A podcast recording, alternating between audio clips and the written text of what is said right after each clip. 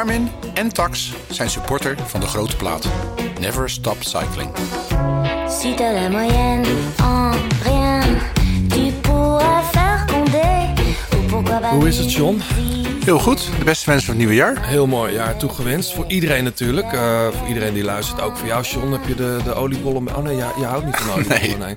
Ehm, grootste plannen voor 2023? Of Gewoon lekker zoals het nu gaat. lekker zoals nu gaat? Ja, lekker veel fietsen, een beetje werken, podcastje maken. Onze gast eh, heeft enorm veel mooie plannen. Ehm, ze is een rasaanvaller. Maakte eh, een super transfer, mag je wel zeggen.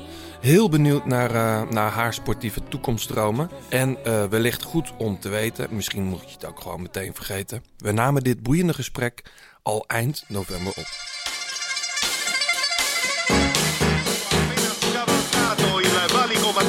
Chisallo, solo al comando, non attese, Johnny Eugerman della Dat is de liefde. De liefde voor de koers. Blijleven trok de sprint aan. Toen kwam John den Braber eroverheen. En John den Braber wordt de nieuwe kampioen van Nederland.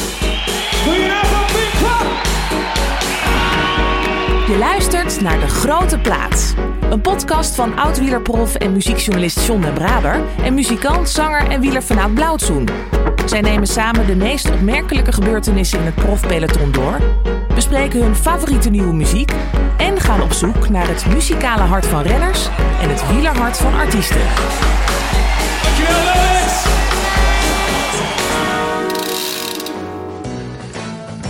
Onze gast werd 22 jaar geleden geboren in Amersfoort. Begon op haar achtst met wielrennen bij de plaatselijke wielervereniging Eemland. En maakt sinds ze prof werd in 2021 ehm, indruk bij zowel de wielerfans als de volgers. Vier jaar geleden had niemand dat echt meer voorzien nadat ze tijdens een training door een vrachtwagen werd geschept en met een traumahelikopter werd afgevoerd. Dat was 2018. Fast forward naar 2022. Ze werd tweede in het jongerenklassement van de Tour. Ze won het jongerenklassement in. Nou ben ik even... CIMAC Ladies Tour bedoel jij denk ik?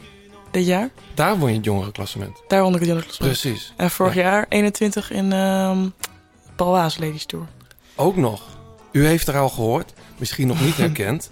Afgelopen september won ze haar eerste World Tour koers. De slotrit in de CIMAC Ladies Tour. En haar talent en aanvalslust was al eerder opgevallen bij de grote ploegen in het vrouwenpeloton. Waaronder SD Works. En daar maakt ze in 2023 haar debuut. En dat past eigenlijk wel goed bij haar ambities. Ze wil, en dit zijn jouw woorden, naar eigen zeggen, alles winnen.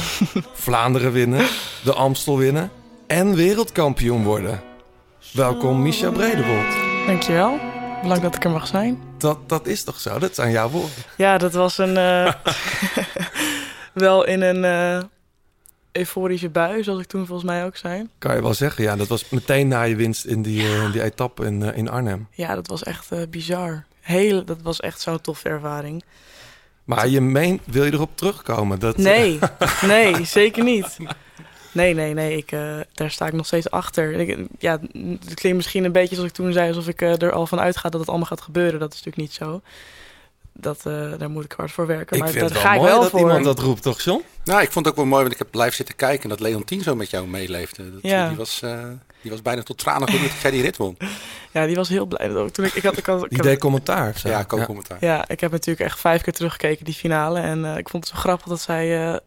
die, die, die finale, dat was, een, dat was een soort afdaling. Dus je kon eh, prima een paar honderd meter van tevoren kon je je benen stilhouden. Dat deed ik ook, want ik was Ja. echt heel erg aan het gokken om die sprint te winnen van eh, Gasparini, die ook best wel rap was. Zeker. Maar zij, je kon dat op, op beeld kon je dat niet goed zien. Dus zij eh, was helemaal in paniek aan het raken. Ja, ze dacht commentaar. ook dat het nog verder was dan het eigenlijk was. Ja, en ze dacht dat we terug zouden gepakt zouden worden. En eh, dus dat vond, ik, dat vond ik altijd wel grappig om terug te luisteren. Ja. Heel leuk. Hey, ehm, heb jij last van een jetlag? Want jij komt net terug uit eh Californië. Ja, klopt. Ja, eh, een beetje. Ik ben een beetje moe. Ja? Maar eh, de heenweg was erger. Toen waren we allemaal wel echt aan het strijden die eerste paar nachten. Want, want je was daar met, de, met het hele sterrenteam inmiddels Ja. van SD Works. Ja, ja, ja was echt super tof. Ja, Trippie, trippie hoor. Ja, wat een teambuilding. Dat is toch bizar. Dat slaat allemaal nergens op. Gaan we even op en neer naar Amerika. Golden Gate Bridge. eh, Ja, ja, zag ik. echt heel erg leuk. IJshockey. Ja, Eh, Ja. Was het nou een vakantie? Wat was het nou? Nee. Ja, het was, het was echt een teambuilding campus. Het was, eh, we hebben wel gefietst hoor, best veel gefietst. Maar eh, echt niet, ge- ik zou ook geen trainer durven noemen, zeg maar. Gewoon Nee. eh, Beetje gravelen. veel gravel en we hebben een paar dagen hebben gekampeerd. Toen hebben we wel veel kilometers gemaakt, maar gewoon op het gemakkie, weet je wel. Maar hoe is dat dan ineens met al die sterren rondrijden? Want er rijdt nogal plus Anne van der Breggen. Was zij er ook bij eigenlijk? Nee, zij was Oh. niet mee, maar... eh, Demi Vollering, Chantal Blaak was je roomie. ja, klopt. Eh, uit betrouwbare bronnen. hoe wist jij dat zij mijn roomie was? Wij weten, wij weten heel veel. Oh, ja, dat merk ik al. Plaat. Oh jeetje. Eh, we weten ook dat... Hele fijne roomie, moet ik meteen even erbij zeggen. Ja, toch? je hebt wel meteen de reputatie opgebouwd van een vrolijke slodder, Oh, en chaot. Oh, wie heb jij gesproken? Oh, wat erg. Was jij je koffer nou meteen kwijt bij aankomst? Of? Oh, oké, luister. ik had bij Park de Valkenburg natuurlijk... eh, ik ben gewoon een beetje eh, chaotisch eh, persoon. Het wordt wel het is al een stuk beter geworden, maar... dus, en daar ging, was ik ook wel vaak de spullen kwijt. En dan keek iedereen eerst naar mij, zeg maar. Ja. Dus ik had mezelf echt voorgenomen om dat niet, in ieder geval niet zo te beginnen bij SD. Om meteen mijn zaakjes op orde te houden. ik was al op tijd. Het was voor mij al, eh, vond ik al heel wat. Dus ik had heel goede voornemens. En toen liepen we weg van het vliegveld in San Francisco. En toen draaiden die meiden en zeggen... Mies, vergeet je niet wat? ja, dan stond mijn koffer er nog. Dus toen moest ik weer terugrennen. Toen was het klaar. Toen was het echt gedaan. Toen kon ik niks meer doen zonder dat ze het... eh, want dat, als als je dat eenmaal dat reputatie hebt, dan, dan, dan valt het ook op, hè, alles wat je doet. Ja. Dus dat, toen was ik wel echt de lul. Maar wel, wel eh, bijzonder, denk ik. Want voor het eerst eigenlijk met je nieuwe ploeg op stap. Is dat dan ook spannend? Of? Ja, ik vond het wel spannend. En eh, ik moet zeggen, vooral van tevoren vond ik het spannend. Maar eh, toen we er eenmaal waren, was het, eh, viel het me alles mee. Dat klinkt misschien een beetje gek, alsof ik er tegenop zag. Dat was natuurlijk totaal niet zo. Maar je weet totaal niet wat je moet verwachten. Je kent de mensen wel een beetje, maar niet, niet super goed. En meteen zo'n, ja, in wat je zegt, dat sterrenteam. Je, je hebt een bepaald, team heeft natuurlijk een bepaald imago. Eh, waar je dan tegenop kijkt. Maar als je er eenmaal in zit en het zijn gewoon, het zijn ook gewoon mensen, weet je wel. Ja. en eh, iedereen is echt super aardig. Ehm, v- ja, we vielen meteen heel goed in de groep en eh, heel vertrouwde sfeer. Dus, Je zegt we, want je, je kwam daar met, met nog meer nieuwelingen. ja, ja, met vier nieuwe. met Lorena Wiebes en Barbara Quarici en Femke Marcus, mijn ploeggenootje van Parktel. Dus voor ons was het natuurlijk helemaal nieuw, want wij komen van een opleidingsploeg. Eh, Lorena en Barbara die zitten al bij een World Tour team, bij eh, DSM en Mhm. Mostar. Maar Femke en ik komen natuurlijk allebei van, van Parktel vandaan. Dus dat, voor ons is het gewoon een hele grote stap. Dus het is wel heel fijn dat je dat samen kan delen. Ja. Dus het- ik denk voor ons beiden was, viel het echt alles mee. Dat het we werden meteen heel erg omarmd. En dan die spanning was ook binnen een uurtje was het ook allemaal weg. Ja, als, als deze ep- episode online staat, dan rij jij al lang en breed in het SD Works pakkie. Mhm. Maar heb je het nu al in de kast hangen? Ik heb één pakje in de kast hangen. Oh ja. We hadden in, eh, in Amerika hebben we wat, eh, wat, eh, wat reclame gedoe voor uh, Specialized. Ja. Inderdaad, wat filmpjes en zo. Dus ik heb het nieuwe pak al gezien. Leuk. Hey, we praten zo uitgebreid met je verder over afgelopen, afgelopen seizoen, maar natuurlijk ook eh, ehm, blikken we vooruit naar 2023. Je hebt uiteraard ook grote platen meegenomen, want dat hoort hier in de grote plaat. Daar Zeker. zijn we heel blij mee. en John die zag het, want ik, ik appte jou, eh, jouw berichtjes door van welke platen we zouden gaan draaien. En die was meteen dol enthousiast. Ja, leuk. dat Ehm, is fijn. ja, ehm, eerst even naar de reacties, eh, John. Ja, zeker. Nou ja, we zijn natuurlijk een eh, eh, nieuw, het nieuwe jaar, maar vorig jaar nog eh, heel veel leuke reacties op de, ook op de laatste podcast gehad. En ook mensen die gewoon heel erg graag met onze tax workout nog steeds trainen, zoals Mark de Mik. Perfecte combinatie om blokjes op te doen van de muziek en inderdaad de, met, met de inspanning. Met Peter Schep. Met Peter Schep. Ja. En hij vroeg zich af of we nog eentje kunnen maken voor de afwisseling. Dus nou, daar moeten we zo over nadenken. Ja, we moeten te we met Peter over hebben. Of we moeten de muziek eens aanpassen. Maar ehm, Ja. ik, ik heb hem laatst nog getipt ook aan iemand. Die zei, wat, wat draai jij dan als jij op de tak zit? Jij doet me regelmatig, toch? Nou, ik heb hem in het begin een paar keer gedaan. Ik heb nu andere doelen gesteld. Ja, Ja. Roefie. Ja, ik zit op Roovy tegenwoordig. Ken je dat, Misha? Nee, de, je- de Swift is je wel bekend. Ja, is met, met echte video's. En ik heb eh, toevallig gisteren nog de IJzeren Bosweg gereden. Ik zag het, ja. En toen dacht ik, dit is wel een leuke training. Want ik ken daar de weg ook wel een beetje, net als jullie. Ehm, maar dit is toch wel, ja, dit lijkt, dit lijkt iets meer op het echte leven. Blijf natuurlijk gewoon eh binnen fietsen. Ja. Maar goed, je moet wat in de winter. Ja, zo is dat. En dan kreeg ik een berichtje van uh, Thomas Knap. Ehm, dat is een uh, trouwe luisteraar. En die wilde voor zijn, voor zijn, zijn maat een, een grote plaatshirt winnen. Want die was onlangs gevallen met de fiets. alles open, alles kapot. Oh joh. En, want hij fietste naar huis, want zijn vriendin had een verrassing voor hem. En het bleek dus een concert te zijn van Blauwtsoen. En daar had hij Oh. twee kaartjes voor, maar hij was zo gebutst dat hij niet kon. Och joh. Dus hij zegt, nou, we zouden dan eh, als troost misschien een, eh, een grote plaatshirt kunnen krijgen. Dus eh, nou, dat doen we met alle liefde. Helemaal goed. Leuk. Dus, Ja, en dan moet hij natuurlijk ook wel een keer bij een show nog komen. Ja, dan moeten we even... Ehm, eh, ik ga dit jaar eh, theaters in. Dus Vanaf weet. maart, hè, toch? Maart, april zit ik in theater. Ja. Ja. we gaan veel doen, ja. Nou, dan gaan we dat regelen. Dus eh, geef even je gegevens door en dan eh, komt het shirt eh, je kant op. Hey, we draaien afgelopen tijd hebben we natuurlijk steeds wat platen gedraaid eh, waarvan wij dachten, hey, die hebben we gemist of eh, daar willen we toch nog even op terugkomen. Eh, we kijken nu een beetje vooruit. Ik zie heel erg uit naar deze plaat van Young Fathers eh, 2023. Ik denk dat die februari uitkomt. Give me that bulletproof vest. And don't forget, I'm not susceptible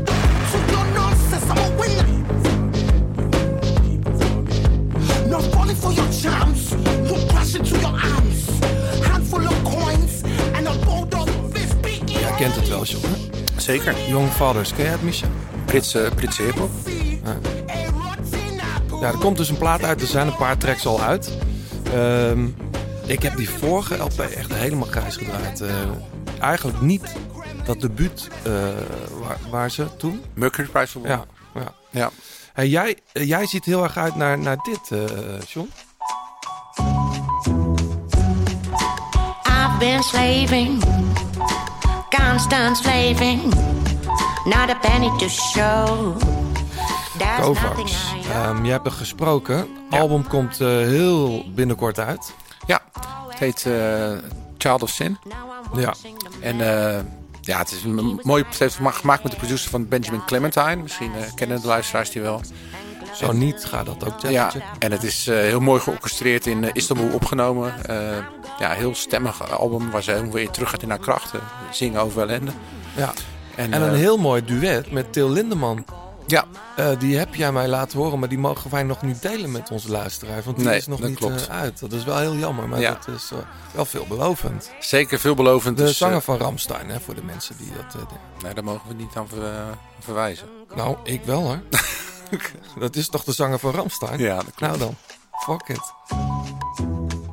Tuurlijk mag je daarna verwijzen. Nee, dat mocht niet. Ja, ik wel. Ja, dat mocht niet. Iedereen. dat mocht niet van de persdame. Ja. Ja, daar heb ik niks mee te maken. Nee, het ging om interviews, maar... In a land of plenty. Now I'm saying no. I'm my own. Goed. Dit is Goldmine in ieder geval. Yes. Je luistert nog steeds naar De Grote Plaat.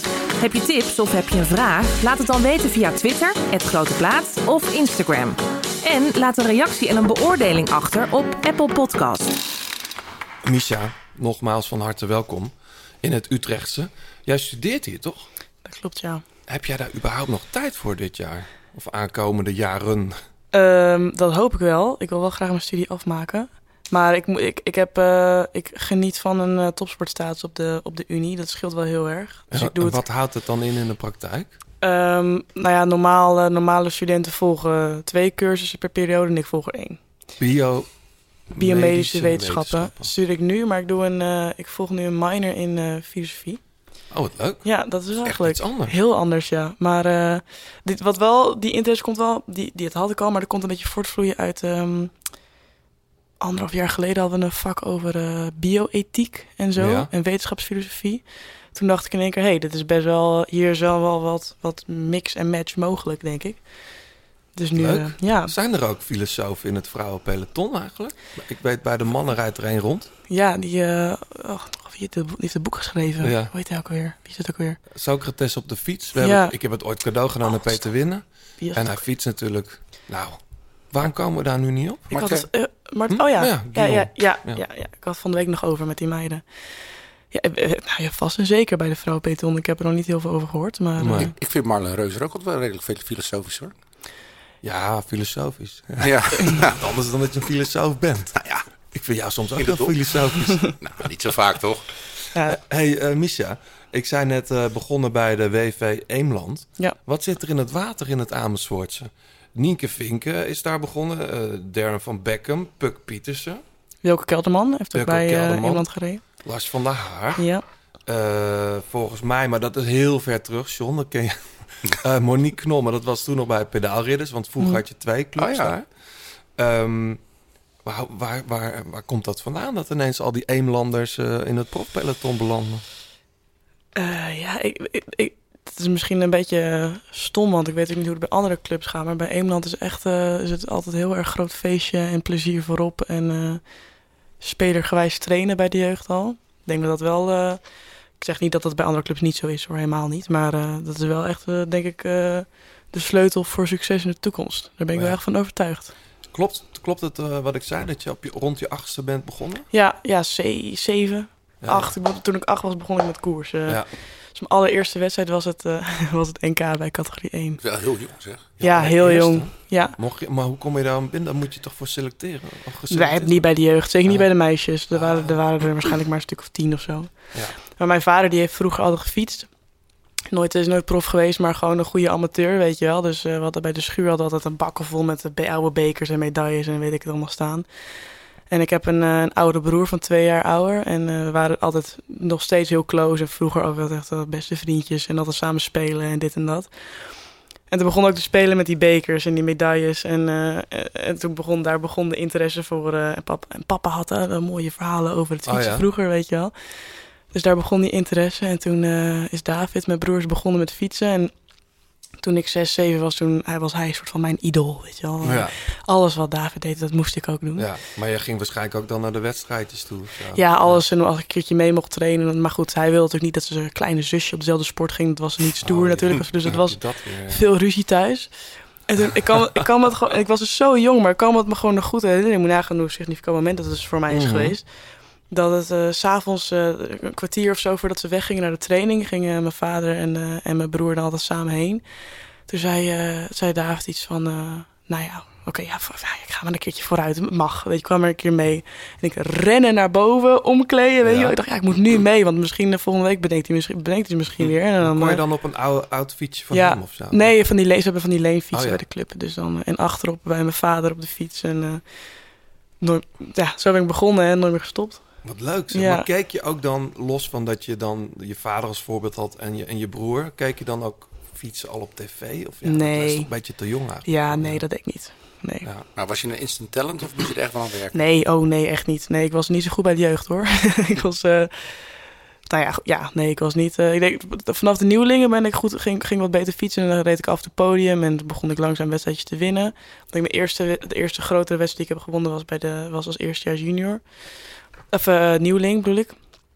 Maar bij de jeugd was ik echt, eh, nee, daar was ik gewoon, ik vond fietsen gewoon Ja. heel leuk en eh, trainen vond ik leuk en lekker met mijn vriendjes op de fiets en. maar ik werd altijd, ik werd altijd afgereden bij de jeugd. Hey, begin van 2022 had jij voor jezelf een soort doel gesteld van... ik wil een finale renner worden. Mhm. Dus als ik in wedstrijden meega, wil ik gewoon finales leren rijden. Dat is wel gelukt.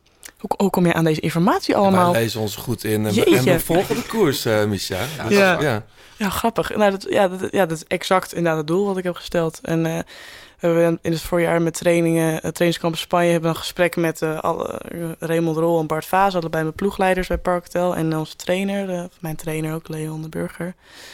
En eh, dan hebben ze een heel gesprekje zo, zijn ze dan met z'n drietjes daar. En dan moet iedereen zijn doelen bespreken en zo. Ja. En toen, nou ja, daar heb ik dus heel erg... eh, ik had in mijn allereerste jaar bij de Prols, eh, 21, had ik, had ik een paar van die uitschieters. Dat ik wel, daar kon ik in één keer wel mee met de finale, maar ik had een beetje geluk nodig om in de, in de finales te komen. Qua positionering, dat soort dingen. Dus ik had echt voor mezelf van, ja, ik wil nu gewoon constant in de finales komen. Ik wil geen geluk meer nodig hebben. Ik wil gewoon kunnen afdwingen, weet je wel. Nou, toen hebben we daar overlegd. Hoe kom je daar dan en hoe doen we dat? En sterker worden en ook tactisch, positionering, dat soort Mhm. dingen. Het ging eigenlijk heel snel al Ja, goed. dat heeft in ieder geval geresulteerd in je eerste World Tour overwinning. Mhm. Eh, we hadden het er net al even over. Wat wel gek was, want Leontien van Moorsel was dan wel heel enthousiast. Een deel van die ontsnapping was helemaal niet zo goed te zien, kan ik me herinneren. Tenminste, dat de camera bleef, bleef op een gegeven moment Ja, bij de sprint. bij die sprint. Ja, klopt. Ja, de ontsnapping zelf, maar de, de sprint zelf. Ik dacht, wat is daar nou precies gebeurd? Of heb je haar nog geflikt? Of heb je haar misschien toch gezegd, we moeten nog een rondje? Dat was slim geweest, hè? Bouke Mollema. Ja.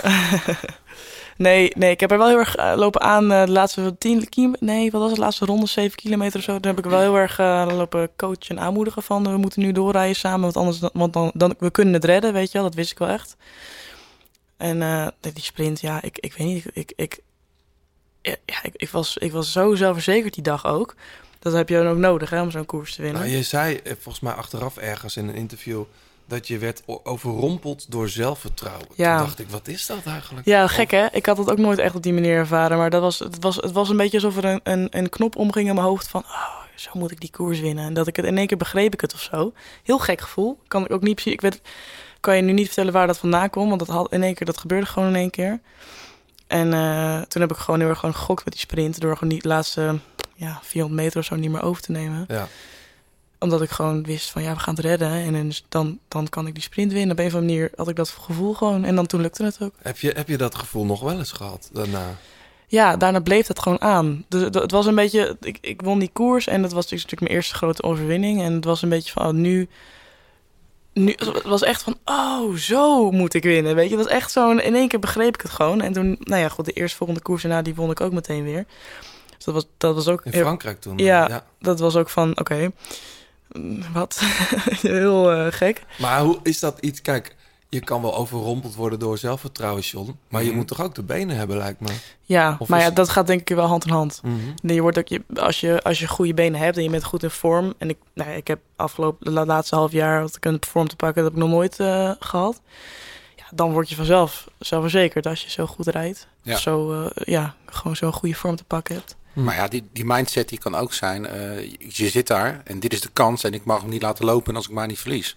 Dat is het echt, dat is het. Ja. Je moet, nou, je moet niet bang zijn om te verliezen om koers te winnen. En dat, dat zie je zo vaak. En dat, dat, ja, dat zag je met het WK ook weer, weet je. Dat met Annemieke won, is prachtig. En je ziet al die meiden zie je twijfelen, omdat ze niet durven te verliezen. Ja. En dat is gewoon, en dat is ook bij de mannen. Dat, dat, dat is denk ik de, de, de truc van de sport. Ja. Ik wil daar zo met je over doorpraten. Eerst nog even naar eh, een minder hoofdstuk. Ik wil het er toch even met je over hebben. Ik weet dat het geen prettige hoofdstuk is. Ehm, in 2018 kwam er echt bijna een eind aan jouw wielerdroom. Mhm. Een ongeluk tijdens een trainingsritje of Ja. ja. meer een uit, uitrijritje op je tijdrit, tijdritfiets. Mhm. Wat is voor de mensen die dat niet weten, ik wil toch even vragen, wat is daar toen gebeurd? Ja, tijdens het oversteken van, eh, van een eh, N-weg tijdens de training inderdaad aangereden door een vrachtwagen. Mhm. Flinke revalidatieperiode door moeten maken. Ja. Maar daar gelukkig helemaal eh, bovenop gekomen. Maar het was wel heftig. Wat had je precies allemaal?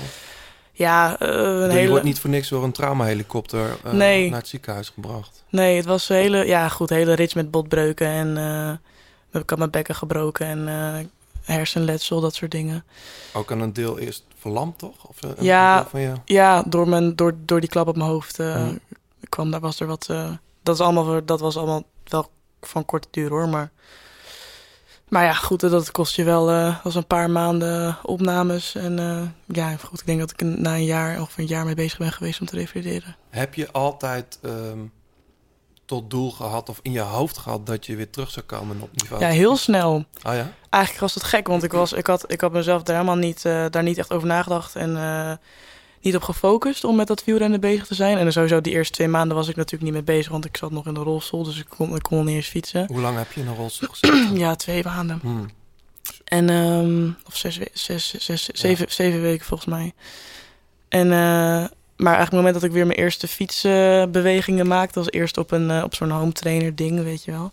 En dan later buiten fietsen, toen kwam dat eigenlijk heel snel, eh, kwam die vechtlust weer terug. En dat was ook echt een enorme drijfveer voor mij tijdens mijn revalidatie, dat ik me terug wilde knokken en een soort van wilde bewijzen aan de wereld. eh, dat, ja, je wordt toch door best wel wat mensen afgeschreven. Oh ja? Ja, dat, dat is ook logisch. Dat gebeurt natuurlijk gewoon. Of, nou afgeschreven is misschien wel een beetje een zware term, maar ja, intern krijg je toch een bewijsdrang van. eh, Ik zal ze iets anders laten zien. ja, ik denk het. Maar het was wel bijzonder, eh, vind ik. Nou, Tenminste, ik vind het ook heel normaal, maar toch eh, bijzonder, denk ik, om even te noemen. Je had toen al getekend voor de belofteploeg van Servus Knaven, Ja, denk ik, toen ja. je dat ongeluk kreeg. Klopt. Ja, nee, we hadden nog niet, ik had nog niet getekend. We hadden al de Mondeling. mondeling eh, akkoord. Ja. Mhm. Ehm, hoe, hoe ging dat dan? Want dan denk je toch ook als eerste shit, als dat nu maar doorgaat. ja, goed, ik was er zelf, wat ik zeg, totaal niet mee bezig de eerste twee maanden. Maar zodra ik weer was, zodra ik weer iets eh, meer mezelf was, toen. eh, ja, ik moet heel eerlijk zeggen dat mijn herinnering uit de periode is echt super slecht. Oh ja? Dus eh, dat, ik weet het niet helemaal exact meer hoe dat nou ging. Maar ik weet in ieder geval dat ik met Natasja Knaven, dat die, wat zij was natuurlijk management van de ploeg. Ja. Ehm, zij hebben mij toen direct een jaar verlengd. Dat was, dat was heel fijn. Dus ze gaven mij erg de tijd en het vertrouwen om eh, eerst een jaar te revalideren en dan een jaar ehm, te gaan koersen. Ja. Ja, dat werd toen een beetje teniet gedaan omdat die ploeg na een jaar verdween. Dus toen was dat contract ook niet. Ja, ja, goed. Je kan geen contract hebben met een ploeg die niet meer bestaat. Maar Nee. ze hebben me in ieder geval goed. eh, ze hebben me het eerste jaar hebben ze me goed geholpen met, eh, met revalidatie. Ja. Kan je nog eh, herinneren de allereerste keer dat je gewoon weer dacht, ik kan het nog? Ehm, nou ja, mijn eerste koers was in augustus of zo. September? Nee. Ja, september denk ik. Eh, Van, van hetzelfde jaar? Nee, nee, Van nee. 2019? Ja, ja dus een jaar- precies een Ja. jaar daarna. Ja. Dus ik denk toen of zo. Ik, ik heb heel, heel lang met een knieblessure lopen, lopen kloten. Mhm. Dus daar was, werd mijn training heel erg door belemmerd. Ja, ik, ik denk dat toen pas, pas toen ik weer begon. in- Ja, misschien zelfs pas in 2020, toen ik weer op eh, ja, gewoon degelijk niveau eh, mee kon koersen. Eerste, mijn eerste UCI-koers toen. Eh, dat, ja, dat was het misschien. Ik, ik, probeer een beetje door te lopen, mijn. Nee, nee, we gaan, nee. Ja, maar ik merk dat je, eh, dat je geheugen eh, in die tijd... Tenminste, je hebt, Ja. je, het is, of heb je het weggestopt? Nee, Je vindt het niet heel prettig om het erover te hebben. Nou, meer ehm, omdat ik gewoon wel heb gehad. Ik heb ik, ik, ehm, na mijn ongeluk daar ook wel heel veel over gedeeld met veel mensen. En dat me toch een beetje gaan najagen. Dat ik eh, heel erg eh, geassocieerd werd met het, het meisje met het ongeluk. Of de wielrenner met het ongeluk. En je hebt natuurlijk, nou, zoals ik net zei, er zijn een aantal mensen die niet, misschien niet meteen van overtuigd waren dat ik nog weer terug zou kunnen komen op niveau. En het ging gewoon altijd daarover. Ja. Dus, en daar, daar heb ik echt een pesttekel aan. dat ik wil gewoon niet. ehm, ik ben zelf nu totaal niet meer met mijn ongeluk bezig. En eh, het is afgesloten voor mij. En ik heb er helemaal geen last meer van. En dat, dat is voor mij ook voldoende. Weet je? En ik vind het echt niet erg om het erover over te Nee. hebben. En eh, ik ben heel open. Dus eh, iedereen mag wat alles over vragen. Maar Maar het kan ook zijn dat je een beetje gevormd hebt, hè? Dat je nog meer, misschien nog meer die strijdlust hebt gekregen. ja, dat zeker. Ja, tuurlijk. Het, eh, het is een onderdeel van je, van je karakter. En je, je bent er elke dag is er nog wel een moment dat je er even aan denkt. Of weet ik veel wat. Dus dat is ook. Het is ook een. Het, het is wel een onderdeel van, maar het is niet, het is niet mijn. Mijn karakter is niet het ongeluk, zeg maar. En daar heb ik echt wel in 2020 daar best wel mee geworsteld om daarvan af te komen voor mijn gevoel. Dat ik daar, ja. Dat ik echt in die transitiefase van nog net ongeluk, maar ook weer een soort van normaal. Weet je wel, dat je Ja. daar een beetje tussenin. Ja. Dus dat was soms wel lastig. Begrijp ik. Ehm, we praten zo met je verder. John, wilde jij nog eh, iets draaien? Een eh, lekkere dance track. Oh ja? Mark, Margot? Juist.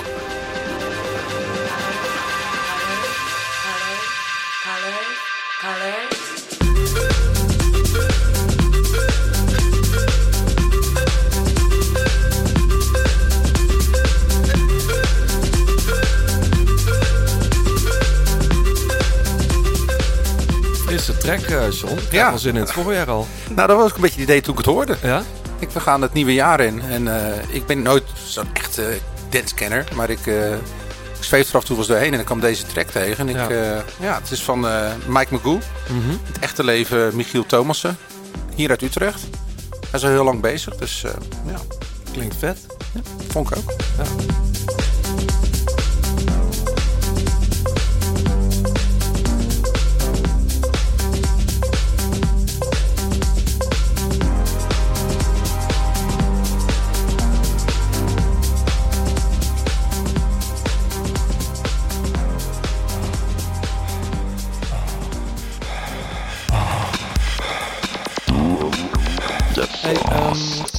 Gewaardeerde sponsor eh, Garmin.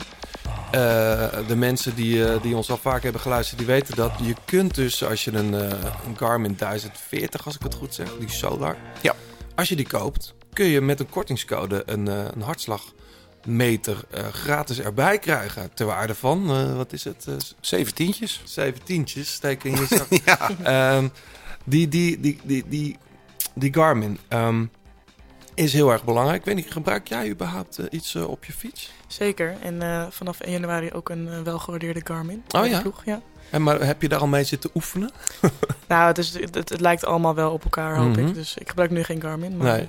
Dus je- jij bent een nieuwe... Een nieuwe Garmin-er. En je gebruikt waarschijnlijk ook een hartslagmeter. Ja, ja, zeker. Ja, dat is super, super nuttig allemaal. Want, want die data, dat is voor jullie echt super belangrijk. Eigenlijk Mhm. voor toeristen als, als, als ik. En, en John, ja, ik durf jou nooit een toerist te maar je bent gewoon ex-prof die nog eh teringhard fietst. Maar, ehm, nou, nou, nou ik, ik, ha- we hebben al lang niet samen gefietst, maar ehm, ik, ik moet nog wel even in training, denk Dat ik. zouden we nog doen, hè? Ja, man. De Dat, gravelbike. eh, ja, dat gaan we nog doen. Gaan we zeker doen. kan bij ons niet. Ehm, maar uh, kun je mij eens vertellen, nou, en Misha, want die gaat hem dus ook gebruiken, wat, wat, wat precies die 1040 allemaal eh, in zijn mars heeft? 1040 is het topmodel van, eh, van Garmin. Mhm. Vrij flinke, flinke fietscomputer. eh, waar je heel goed kunt, kunt op eh, navigeren. Maar je kunt ook de cycling ability kun je verhogen. Dus waar kun je de meeste winst boeken. Ben je een allrounder, een puncheur of sprinter. Je krijgt veel meer inzicht over de verhouding van je anaerobe capaciteit en aerobe capaciteit. Dynamische prestatiemeting zit erop. Dus je krijgt veel meer inzicht op je VO2 max. Ja, dat zal de toeristen helemaal niks zeggen. Maar Nou, Nou ik ja, denk dat veel mensen dat wel... ja, nou ja, in ieder geval. Dus, ehm, en eh, je kunt dus onderweg kun je, kun je opladen. La- laat je je Garmin zelf bij. Waardoor je een langere batterijduur heeft. Oh, oké, precies. Ja. Hey, en, en, maar Misha, hoe, lang, hoe belangrijk is hartslag voor jou tijdens een training? Eh, Die data die eruit voortkomt, doe jij daar zelf iets mee? Of hoe, hoe werkt dat eigenlijk? Ja, ik moet zeggen dat wij vooral, vooral wattages rijden. Mhm. Dus hartslag is, eh, hartslag is natuurlijk een veel meer variabele factor. Dus dat kan je ook met het weer en of met je vermoeidheid. Dus het- vroeger trainde ik wel alleen met hartslag bij de Ja. jeugd. Ja, maar goed, dat zijn wel allemaal super nuttige data. En eh, ik, ik schuif het allemaal door naar mijn trainer. Dus eh, je, ja, maar, je, maar je, je leert wel, door de tijd leer je dat een beetje lezen natuurlijk. Dus als je normaal je normale D1 tempo en je hartslag is in één keer 10 slagen hoger, dan denk je, nou, misschien eh, moet ik de volgende keer eerder naar bed. Of Ja. misschien moet ik even een reepje extra eten, weet je wel. Ja. Dus dat, maar goed, daar leer je langzaam mee omgaan. Maar het, het is met zo'n Garmin toch ook dat jij zet 's ochtends je computer aan. En dan staat de training van die dag staat er helemaal in. Ja. Die door je trainers gestuurd. Klopt, dat kan je dus allemaal compatible met de training speaks en zo. Ja. ja. En heb jij, eh, eh, gaat dat bij SD Work straks anders dan, dan, dan dat je gewend bent? Nee, niet echt. Nee. Ik, eh, ik, ik blijf met mijn eigen trainer, met Leon, eh, trainen. Dus dat is wel heel fijn. Ja. En dan, eh, maar Die is extern van de ploeg dan of zo? Ja, ja. je- dus dat, dat vind ik het fijne bij SD-Works. Dat je, je best wel... eh nou ja, er is veel autonomie, dus je mag heel erg je eigen ding eh, doen. En, en dat, daar, daar wordt dan bij gekeken. Anna bijvoorbeeld, die, eh, die kijkt ook altijd een beetje met training. Ze houden Ja. ze je trainingspeaks en dergelijke in de gaten. Ja. Ze kijken echt mee. Maar je mag wel gewoon nog... Je mag, je mag wel echt dicht bij je eigen, je eigen ding blijven. Ja. Hey, en dus nu met de Garmin. Ehm, jij hebt hem al, je krijgt hem van de ploeg, maar voor de luisteraars, John, wat moet je ook weer doen als je zo'n 1040 koopt? Eh, dan kun je een actiecode invullen. eh, grote plaat solar. Met kleine letters. En zonder de. Ja, grote plaat solar. En dan krijg je dus een hartslagmeter eh ter waarde van eh 69, 99 Ja. bij. De HRM Dual heet die. Ja. Ehm, die actie is tot 31 januari geldig. De grote plaat Dilemma's. Misha, wat wij doen in de grote plaat, en eh, dat doen we niet met iedereen, maar wel als we hele leuke gasten hebben, dan doen we altijd de grote plaat dilemma's. Wij stellen een aantal dilemma's aan je voor, of eh, eh, een aantal stellingen. En jij moet dan reageren met ja of nee, of je kiest een van de antwoorden. Oké. Ehm, je mag straks zelf terugkomen op minimaal één antwoord. Meestal worden dat er wat meer, en wij ook. Oké, Ben je er klaar voor? Ik ben er helemaal klaar voor. Ooit een keer wereldkampioen zijn of drie keer Vlaanderen winnen. Oh, Dat zijn niet makkelijk. nee. Ooit een keer wereldkampioen zijn. Netflix, een serie binge op Netflix, of in één ruk een eh, mooie roman uitlezen. Een indruk, nee, mooie roman aan het lezen. Tadej Pogacar of Remco Evenepoel. Pogacar. Mijn aanvalslust is mijn grootste vijand. Nee. Marianne Vos is de absolute goat. Oeh, dit is weer gevaarlijk. hè? Iets dichter bij huis. Je kunt gewoon eerlijk zijn hoor. Ehm mm, nee. Misschien kon- hier ga ik wel op terugkomen, maar Mhm. De nieuwe generatie met jonge twintigers, met Lonneke Unneke, Sherine van Androoy, Fem van Empel en mijzelf, is in de breedte de sterkste wielergeneratie ooit. Mm, mm, ja, dan moet ik hem tegenover de gouden generatie zetten. Die ook al mijn ploegleiders worden en zo. Ja. Je mag erop terugkomen, maar ik wil wel een antwoord. Mm, nee. Ga ik ook op terugkomen. Nou, komt, komt, komt er nu weer een leuke. Chantal Blaak of Anna van der Breggen? Ehm. Wat erg. Ja, ik, ik, ik, eh, oh, ik mag nog niet veel zeggen. Hè? Het eerste wat in je opkomt. Anne van der Weg. Dit is een klassieker in onze dilemma's. Annemiek van Vleuten is een zegen voor het vrouwenwielrennen. Mm. Hoeveel vragen mocht ik terugkomen? Allemaal. Allemaal, oké. Ehm, nou, dan ga ik in eerste instantie met ja. Carrefour de Larbre of de Keutenberg? De Keutenberg, 100%. Het mannenpeloton kan nog een hoop leren van het vrouwenpeloton. Mm. Mm, nee. Ik heb zo'n vermoeden nog ergens op terug wil komen. Ja, dat klopt. Ik, wil niet ik wil niet nu al gecanceld worden. Weet je? Mijn, mijn carrière is nog zo jong. Nou, Wel wordt- er nare worden- vragen Er met worden wel eens Chantal en wat Anna. Twitter-fitties uitgevochten rondom de dilemma's. Ja, maar dat is, dat- al, dat is al een tijdje geleden. Nou, dat Ehm, kan ik me daarop verheugen. Waar wil je op terugkomen, Micha? Ehm, wat was nou de eerste waar ik over twijfelde? Die met de jonge generatie, denk ik, of niet? Nee, met Marianne Vos. Oh ja. Ehm, nou, ze is, ze is natuurlijk een, eh, een, een klasse wielrenster. Echt eh, heel indrukwekkend. Maar ik, ik weet niet of ik haar eh, heel ver ik, ik, denk dat het heel goed is geweest voor de vrouwenrennen. Omdat zij natuurlijk heel erg... Een, echt, zij is heel erg het fundament en Mhm. onderdeel daarvan. Ehm, en een super belangrijk factor in de ontwikkeling van, eh van het vrouwenwielrennen. Daar mogen we haar allemaal denk ik heel dankbaar voor zijn. Maar het is ondertussen is het wielrennen natuurlijk zo ver doorontwikkeld. Ehm bijvoorbeeld Leo Leontie van Mors is natuurlijk ook zo- zo'n eh, zo'n zo'n persoon.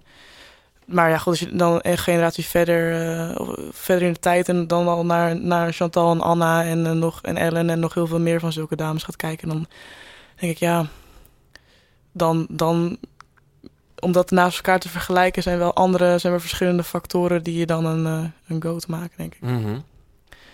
En qua, qua op de fiets vind ik, vind ik bijvoorbeeld een Anna, maar ook een, ook een Chantal. En eh, met een, een aanvallende manier van koers en hun, hun koers van finale rijden vind ik, daar haal ik koerstechnisch denk ik nog iets meer inspiratie uit. Puur, eh, puur koerstechnisch. hè? Ja, het zijn natuurlijk een beetje plagerige vragen, maar je, je kunt natuurlijk... Ik denk persoonlijk dat je, zoals jij ook op Pogacar eh kiest boven Mhm. Evenepoel, dat je ook een beetje spiegelt naar jezelf. Hè? Wat, Ja, tuurlijk. Wat spreekt mezelf aan? Ja. Hoe ben ik zelf ook als renner? Ja, ja. En dan, dan zou ik vergelijk me eerder met, met, met andere zulke renners dan met Marianne, denk ik. Ja. Jij wilde nog ergens op terugkomen? De gouden generatie, ja, dat is nou wel... ja, ik, ik, ik, ik moest daar gisteren over nadenken. En ik had even contact met, eh, met eh, Marijn de Vries.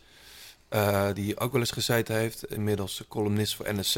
En ze schrijft een mooi verhaal over, in de muur. Over jou, Ja. Femke, Marcus En Lonneke. Lonneke. Ja. Toen dacht ik ineens... Jullie drie, maar ook nog met eh Sherine er nog bij. En, en eh Fan van Empel, die ook natuurlijk op de weg eh, gaat fietsen. Ehm, in de breedte, dus ik heb het niet over dat daar misschien, maar in de breedte is, ik heb ik zelden denk ik zo'n generatie gezien. Ja, dat is wel waar. En het, het, ja, opnieuw kan je, niet, kan je hem lastig vergelijken, want het niveau van het vrouwenwielrennen is nu zo anders en ehm ander soort koersen. Maar goed, ik, ja, ik, ik, ik durf echt niet nu eh, mezelf te vergelijken met mensen die al meerdere keer Olympisch kampioen zijn geworden en WK-titels, daar kan je niet eens achter elkaar zetten in deze kamer, want daar word je helemaal bang van. Nee. Dus dat, dat, daar ga ik niet mee, eh, nee. geen competitie mee aan. Maar misschien moeten we impotentie erbij zetten. Impotentie. Ja, dat is misschien beter. Ja. Dan, Ja. eh, dat, dat, ja, het is wel een veelbelovende generatie, de belofte generatie die er nu aankomt. John, wil jij nog ergens op terugkomen? Eh, nou ja, Annemiek van Vleut is een zegen voor het, eh, voor het vrouwenwielrennen. Ik- hoe, kijkt de jonge generatie aan tegen haar? Weet je, de Spartaanse eh, arbeidsethos, eh, dat is de manier om de top te bereiken. Mhm. Nou, volgens mij is ze wel heel duidelijk over dat dat niet de enige manier is. En, en vindt, ze, vindt zij haar eigen trainingsarbeid ook niet Spartaans. Of dat ze er zoveel plezier uit haalt. En, Ja. eh, dus dat is natuurlijk heel... eh, ja, goed, dat is... Weet je, waar zij zich goed bij voelt, daar moet ze natuurlijk bij blijven. En het werkt voor haar supergoed. Ja, ze wint alles wat los en vast zit. En het is mega indrukwekkend en ook inspirerend om op die manier te koersen. En ook haar, haar vorm van koers vind ik ook heel nice. Maar het, het is, het, het- waarom, het, waarom zo een antwoord op zijn vraag nee zou kunnen zijn... omdat het natuurlijk een, een bijna onrealistisch hoge standaard zet. Ja. Ook qua training. En dat, dat zeker denk ik door... Als je echt nog jong bent bij de junioren... en je wordt nog niet heel goed begeleid... dan kan het best wel eens eh vertekend beeld geven... van wat goed is voor jou als renster om te Ja. trainen... en wat standaarden zijn waar je al aan moet voldoen... en, eh, en minimale... Kan een beetje afschrikwekkend werken natuurlijk. Ja, afschrikwekkend en misschien ook wel. eh, ik kan me voorstellen, in ieder geval als je dus niet de goede begeleiding, persoonlijke begeleiding krijgt, dat het misschien een beetje demotiverend of dat je erin doorslaat. Of goed, zij, eh Annemiek heeft natuurlijk een gigantische motor, waardoor ze ook heel veel trainingsarbeid aan kan. Ja. En als je zo jong bent, net als ik kan, ik kan nu wel 40 uur in de week gaan trainen, maar dan ben ik over een half jaar ben ik klaar. Hoeveel, hoeveel uur maak jij dan op de fiets? Ja, dat verschilt ook een beetje, maar eh, Rond, te- richting een, een, een, een topvorm eh, niveau, zeg maar, als je daar wil komen. Ja, als ik echt eh, gefocust train richting een doel, dan zit je op 20 of zo. Oh, ja. Acht, tussen de 18 en 20, denk ik. Ja. Maar dat, soms heb je weken in het seizoen en dan koers zoveel, dan train ik echt maar eh 14 uur of zo. Ja, precies. Maar in de winter heb je ook wel eens, wel eens weken dat je 23 uur traint. Dus het is niet echt, niet echt één lijn Nee. in. Hey, ehm, een Netflix of een roman, dan zeg, dan zeg je toch in één ruk een roman uitlezen. Ja, ben, je, ben jij zo'n lezer? Ik lees wel heel graag, maar ik moet meteen erbij zeggen, nu met die filosofie eh cursus die ik volgen op de Unie, dan lees ik zoveel lezen. Ja, je dan leest ga ik niet s'avonds ook nog Nee. lezen, want dan word ik helemaal gek. En dan gaat er wel een Netflixje aan. Dan ga zo. ik een Netflix kijken. Ja. Of, eh, Ja. ja. Hey, het was ook weer een, een wat pesterig dilemma. Mijn aanvalslust is mijn grootste vijand. Jij zegt erop nee. Het is wel een... Het is je wapen, maar het is ook een valkuil, heb ik soms het idee. Ja, maar ik weet niet of het dan mijn aanvalslust zelf per se de valkuil is. Meer... Het is wel grappig als je... Ik ben nog steeds nieuwsgierig welke van de bronnen jij hebt gekregen. Maar ik heb zo'n vermoeden dat je met Chantal hebt gebabbeld. weet ik niet zeker, maar... eh, Wij babbelen met de hele wereld. de hele wereld. Ja. Maar het- ik heb meer het, het rustig houden in koers. En eh, eh, het overzicht en, eh, en kalm en, en durven... Ja, echt mijn rust bewaren. Dat vind ik dat, dat is mijn grootste valkuil, denk ik. Gaat misschien wel een beetje gepaard met die aanvalslust. Maar Ja. Ja, ik vind het wel leuk om te zien, moet ik zeggen. Alleen wil je wedstrijden winnen, dan, dan is moet je durven wachten. moet je durven wachten. Zeker. Maar dat, zit dat in je überhaupt? Nou, ik heb wel heel veel erg verbeterd dit jaar. Want het eerste jaar was ik echt, eh koers ik echt als kip zonder kop. En ik denk dat dat heel goed is geweest, want daar ben ik veel sterker van geworden. En je leert ook, ehm, ook door foute aanvallen te plaatsen. Goed, ja, dan zal je je goed kunnen vergelijken. Dan, daar leer je ook mee eh, dat het een fout moment is en wat dan wel een goed moment is. En ja, als jouw aanval wordt gecounterd ehm, en dat is de goede aanval, dan zit je dichtbij. Maar als, die, als je aanval niet eens wordt gecounterd, dan zit je helemaal verkeerd, bij wijze van spreken. Dus door dat soort fouten te maken en zo te koersen, leer je wel veel. Ja. Maar goed, net wat je zegt, als je wil winnen, dan moet je dat niet doen. Dus dat heb ik dit jaar wel. eh, Marijn de Vries die vergelijkt jou met het type Nicky Terpstra. Kan je je daarin vinden? Aanvallen, wachten, op het Ja. juiste moment gaan. eh, ja, op zich. in de, Waar hij Vlaanderen heeft gewonnen is wel een eh, Ja, aantrekkelijke manier. Ja, zeker. Ja, ja. Maar ik, ik kan me ook voorstellen dat jouw rol natuurlijk wel iets gaat veranderen. Je zal bij het park al toch wat vrijer zijn. Wat, Zeker. nu ga je toch meer in een keurslijf. Mhm. Dat, eh, hoe, hoe kijk je daar tegenaan? Of is het juist misschien wel een voordeel? Ja, ik zie het zeker als voordeel. Ehm, en ik, ik ben wel van bewust dat ik misschien eh, aankomend jaar wat minder, eh, ik veel minder voor mezelf natuurlijk puur kan koersen en misschien ook wel wat mindere uitslagen in het begin nog zal rijden. Dat je echt in een leercurve stapt. Ehm, maar ja, ik denk dat dit wel eh, absoluut het beste team is voor mij om te leren hoe ik wedstrijden moet winnen en hoe ik finales moet rijden. En er is wel een, een wederzijds vertrouwen dat, het, ja, dat we daar ooit misschien uit kunnen komen. En eh, ja, met een, nou ja goed, eh, Chantal die gaat natuurlijk niet koers dit jaar, maar, met, maar ook met, met Lotte en, en zo'n aanval zoals Marlin in de Tour de France etappe won. eh, Mhm. Ja, dat, dat zijn de voorbeelden die ik moet gaan, allemaal eh, op moet gaan nemen. En, eh, En het scheelt natuurlijk wel dat mocht je in de aanval, mocht je ten aanval trekken, je lekkere Ja. backup. dan heb je een lekkere backup in Zeker. het peloton. Zeker ook met, nu met Lo- Lorena erbij is. En er zijn sommige mensen die zeggen over ja, en dan gaan we heel anders koersen en dit en dat. Maar ik denk dat dat helemaal niet zo is. Hm. Ik denk dat we namelijk dat je juist met haar eh, in, in de groep heel veel ruimte creëert om heel aanvallend te koersen. Ehm, en dat haar, haar karakter, als ik het wens, er ook kleurt dat ze voor zo'n ploeg kiest. Ja. Dus dat het alleen maar meer eh, mogelijkheden biedt. Waar jij heel snel uit was in de dilemma's was eh Carrefour de Larbre of de Keutenberg, was meteen Keutenberg. Meteen. Ben jij, jij bent niet van de kasseien. Je hebt wel gereden. Na Parijs. Roubaix, ja Of, ik, eh, heb twee, ik, heb, Parijs-Roubaix. ja, ik heb twee keer gereden. De eerste, eerste keer was natuurlijk gewoon een eh, survival tocht met die regen. Ja. Toen was ik helemaal niet bezig met die koers. Ja, dat was dag. Ja, dat was, nou, het was, dat, was- dat was ook wel weer leuk. Toen ben ik ook op mijn bek gegaan. Dus nu dat Wie niet eigenlijk toen? Nee, allemaal. Ja. Toen zat ik eh, met Annemiek in het ziekenhuis. Zaten we naast elkaar in de wachtkamer. Zij in een eh, ziekenhuisbed en ik op mijn stoeltje met een eh, plas bloed onder mijn arm, want dat, eh, dat ging helemaal nergens over. Maar dit jaar, ik vond het echt verschrikkelijk. Ik, ja, ja ik, het is een unpopular opinion, want iedereen is Roubaix. Het is ook, ik vind het een hele mooie koers hoor. En het is supergoed dat die voor vrouwen nu is. En misschien over een paar jaar, als ik nog iets meer lompe kracht heb. Maar ik vond het echt verschrikkelijk. Ja. En ik reed op die kar en ik had ook een, ik had een hele slechte dag die dag. Dat helpt ook niet, hè. toen zat ik in een geloste groep op de Carrefour de Larbre. Toen moest ik gewoon bijna weer lossen. Toen was ik zo kwaad. Toen reed ik over die strook. dacht ik, jezus, wat zijn we aan het doen? Wat is dat voor kutkasseien? Ja. Oh man, dat was echt... eh, nee, dat was niet mijn Maar dag. ik had, ik had eerlijk gezegd, ik was er die dag ook. En ik, ik stond dan wel op de wielenbaan op die dag dat we de dames eh finishten. Maar er was een gek soort van euforie van wow, dat dit de eerste keer was. Maar ik denk dat 80% eh ik kwam bijna jankend over de finish, letterlijk. Ja. Eh, omdat het eigenlijk vreselijk was. Ja. Ja, ik denk dat we het ook nog dat we dat we als peloton er nog aan moeten wennen, zo'n soort koers, want het is echt wel heel anders dan de kasseien in Vlaanderen. Dus- Dat zei Kirsten Wild toen toch ook? Absoluut. Dat iedereen zo eager was om dat te gaan rijden. Maar ja, Ja. ze weten helemaal niet dat erbij wisten ligt. wij veel, weet je Ja. wel. Dat is een totaal andere koers. Ja. Echt, eh, en dat zijn we helemaal niet gewend nog. En dat, dat is niet erg, en dat, komen, dat, dat komt wel. Maar ehm, ja, voor, voor, laat ik het even zo zeggen, voor nu voor mij nog niet helemaal Nee. Maar ben jij wel ook, ben jij, vind jij het ook veel leuker om gewoon te klimmen? En Ja. de korte klimmetjes? Ja, ja, ik rijd graag omhoog. Ja, maar ook in de, in de, in de, de echte calls? Of, of is het vooral... Ehm, nou, daar moet ik me sowieso nog wel wat verder in doorontwikkelen, denk ik. Maar ik moet zeggen dat ik afgelopen zomer Tour de France met echt heel weinig ambities daarheen ging, omdat ik dacht dat ik het echt niet kon. En dat, ja, dat laatste weekend zat ik gewoon in de eerste groep mee zeggen, tot ja. en met de eh, La Planche. Dus dat was wel. Het was eigenlijk jammer dat ik met eh, lage ambities heen ging. Als, ik heb het de derde, derde dag, volgens mij, heb ik het laten lopen. Omdat ik toen dacht, nou, ik, ik, ja, ga, komt er niet voor een klassement en morgen weer een eh, nieuwe dag voor een Was daguitslag. dat die valpartijendag? Nee, dat was de tweede dag. Oh, de ja. derde dag was die eh, dag dat eh, eh, Ludwig Ut uh, Uterbeuvel won. Met die, dat was een beetje een lastige aankomst, ja. Ardennen-achtige dag. Ja. En daar heb ik echt mijn, eh, daar heb ik wel mijn eh jongere trui, eh, of in ieder geval een dag erin kunnen rijden, heb ik wel verspeeld. Dat was wel echt zonde. Ja. Je bent wel op een prachtig moment in, in, de, in de, de geschiedenis van het vrouwenwielrennen prof geworden. Zeker. De Tour is er weer. Ja. De Vuelta wordt steeds groter.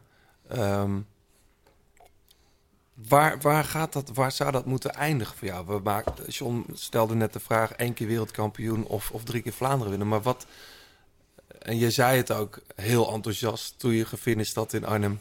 Vlaanderen, eh, wat zijn nog meer? Wereldkampioen, Ja, de Amstel. Amstel. Waar, waar moet dat eindigen? Wat is, ergens heb jij wel een soort horizon.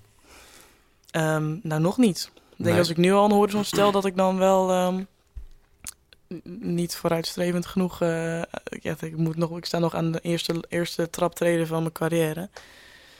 Ehm, Nee, maar jij begon net... Ik zag bij mijn vader al die bekers en die medailles. Als, als, als straks eh, we jouw zolder een keer bekijken... Wat, wat liggen daar dan voor medailles en eh, bekers? ja, ik wil, ja, ik, wil heel graag Ronde van Vlaanderen een keer winnen. Dat vind ik echt... En Amstel zijn wel echt met mijn, mijn lievelingskoersen, denk Heb ik. je het daar met Chantal Blaak dan ook over? Ja, kamer? tuurlijk. Die heeft eh, ze allebei gewonnen. Ja, en hoe? En hoe? Ja, dat is echt bizar. Ja, ja ik, ik- wat ik zeg, het was heel fijn om met haar op de kamer te liggen in Amerika. We hebben super goede gesprekken gehad. Ook, ehm, zij is echt iemand die, ehm, ook goed coacht en eh, echt een natuurlijke ja, leidster ook op een hele prettige manier. En eh, ze kan heel goed haar ervaringen delen en ook, ook met me rustig houden. En de eerste paar dagen vond ik het best nog even spannend, weet je wel. En dan weet je precies wat ze moet zeggen om een beetje de goede kant op te sturen. Mhm.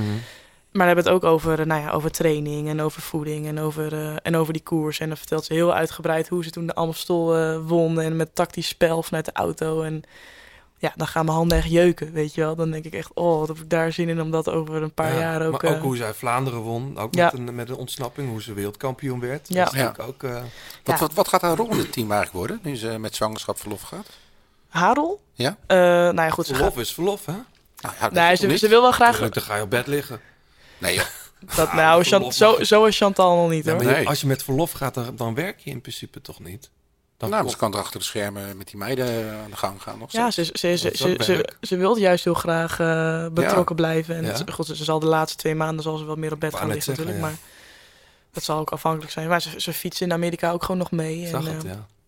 En ze, ze, ze zegt ook tegen mij, zegt Mies, ja, je mag eh, ook als die koers straks beginnen. En dat is natuurlijk al begin maart, hè, dus dan is het al best een eind op weg.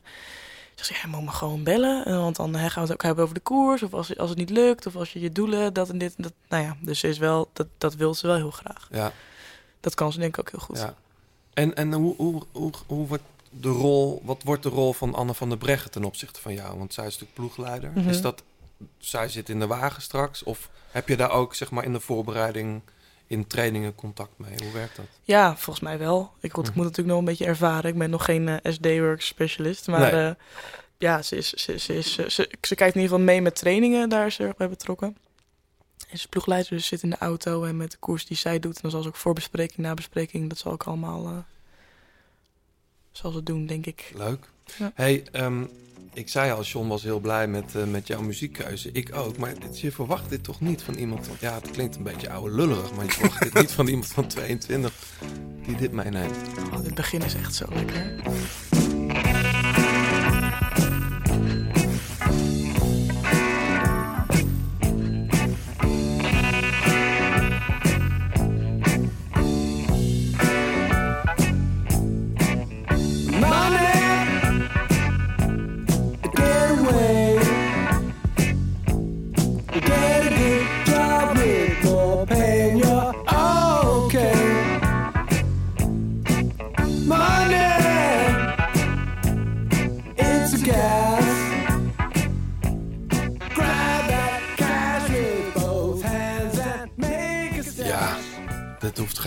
Behoeft geen introductie, toch? Pink Floyd. Hoe kom, jij, eh, hoe, hoe kom jij hier aan? Hoe kom ik hier aan? Nou, ik, ik eh, ben echt wel fan van Pink Floyd. Ja, En eh, dat, op zich, dat zit op zich wel een grappig verhaal. Jij zei natuurlijk, neem nummers mee met of zonder verhaal. En Ja. was dit is de eerste waar ik aan dacht. ja. Ik, ehm, ik, zat vroeger altijd met mijn pa bij de junioren. Toen was mijn broer ondertussen al gestopt. Dus toen zaten we heel vaak met z'n tweetjes in de auto naar de koers. En wij hadden echt zo'n... hebben heel lang echt zo'n oude, zo'n oude BMW uit de 97. eh, we reden Ja. echt maar echt 20 jaar in die auto gereden. En eh, er zat natuurlijk allemaal geen bluetooth en dat soort dingen. Dat, is, dat kon allemaal niet. Cassettes. En ja, ze hadden cassettebandjes en, eh, en cd's. Ja. De cd's konden er nog net, nog net in. Dus nou ja, goed, we zijn niet echt radiomensen thuis. Dus er werd heel veel cd'tjes gedraaid. En ehm, dat was, ja, goed. dat- nou ja, ik denk als junior, eerstejaars junior of zo... dat eh een, paar, een paar keer Dark Side of the Moon eh, album dan opzetten. En nou, ik was helemaal verkocht, meteen al. Dus, eh, en dat, dat was heel grappig. Dat draaide langzaam om nadat ik elke keer als we terugreden van de koers... tegen mijn pa zei... even weer Dark Side of the Moon luisteren. Dat hij af en toe zei, oké, nu even niet. Nu Oh, doen ja. we even iets anders, ja. En Oh, ook, eh, ik denk dat volgens mij had hij ook Wish You Were Here album erop staan in die cd. Want dat weet ik even niet 100% zeker. Kon, ik kon ook niet heel makkelijk die cd's draaien. Het was allemaal zo'n oud systeem. Dus het was het ook telkens weer opnieuw. En ja, de, ik, deze vind ik echt Ja. heerlijk. Maar ook, ik weet, Kick on the Sky. En eh, nou ja, goed. ja, dit is gewoon een, dit album is een universum op zichzelf. Ja, echt kun je helemaal in verdwijnen. Ja, en ik, zelf daar ben ik heel erg dat zelf... Dus dit album is een beetje vanuit mijn pa geïntroduceerd eh, een keertje. En toen ben ik helemaal dat ze mijn hele Pink Floyd zelf een beetje gaan ontdekken. Wat En wat ik er nice van vond. En eh, ja, ik luister het best. Maar wat, wat zeiden je vrienden en vriendinnen op school ervan als je dat opzet? Want dit draai je niet op een feestje. Nee, het geeft. Nou, ik heb wel een leuke. Ik heb een, een hele leuke vriendengroep, eh, ook van de middelbare school, waar wij, eh, nou ja, goed, ik wil mezelf niet heel erg alternatief noemen, maar we waren misschien een beetje die gelijkgestemde, ja, hebben elkaar gevonden. Ja. En dat is natuurlijk ook gewoon wel. een alto op school, bedoel je? nou, het viel op zich wel mee, maar, maar misschien een beetje die richting. En, en eh, toevallig kwam het allemaal samen in de klas. En, en we hebben super. En dat is nog steeds mijn eh, allerbeste vriendengroep. En dat zijn ook veel Pink Floyd liefhebbers die in die groep zitten. Dus dat is. Maar jij nog graag steeds, samen. luister je er nog steeds wel eens naar? Zeker. Ja. Ja. Ik heb het nu iets uitgebreid naar ook een paar andere albums. Maar eh Animals luister ik graag. En, eh, Wat is jouw favoriete Pink Floyd track? Ja, ik vind Money denk ik... Het, het is ook wel een... Ja, het is ook iets misschien... Het meeste... Hij is wel heel lang. Maar het is wel echt een popliedje. Ik, ben, ik hou dan wel iets meer van die dingen. En uit de, de hele lange solo's en zo... Daar ben ik iets minder van. Moet ik eerlijk zeggen. Maar ik, heb, ik ben geen Pink Floyd kenner, moet ik zeggen. Nee, ik ben wel een kenner van dit. En ik ben heel blij dat je dit ook hebt meegenomen. Vooral deze track. ja, dit is ook top. Deze bedoel je, hè? Mm. Live.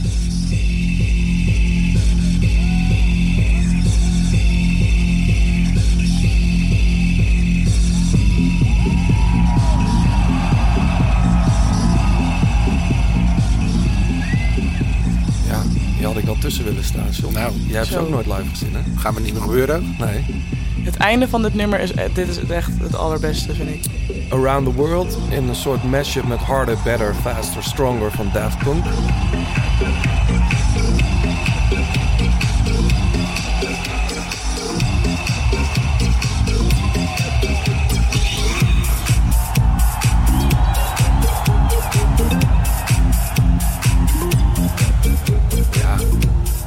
Het is wel een overgang hè, van, van Pink Floyd naar dit. Ja, dit, eh, dit is mijn, dit is- ik heb, dit is mijn eh, slotnummer tijdens de warming-up. Ja, dat kan me voorstellen. Ik heb altijd dezelfde, dezelfde, ik ben wel een beetje een autist ook soms hoor, maar dezelfde nummers. Ja. Met Velus, Paul Kalkbrenner, met Ja. ehm Altus Camuvel, luister ik ook vaak. En Maar hoe lang is die playlist? Want voor een half uurtje. Ja, dat is En ik voor- eindig altijd, altijd, ik moet met dit nummer eindigen. Ja? Echt, ik moet gewoon. Nou, even fast forward naar het einde dan.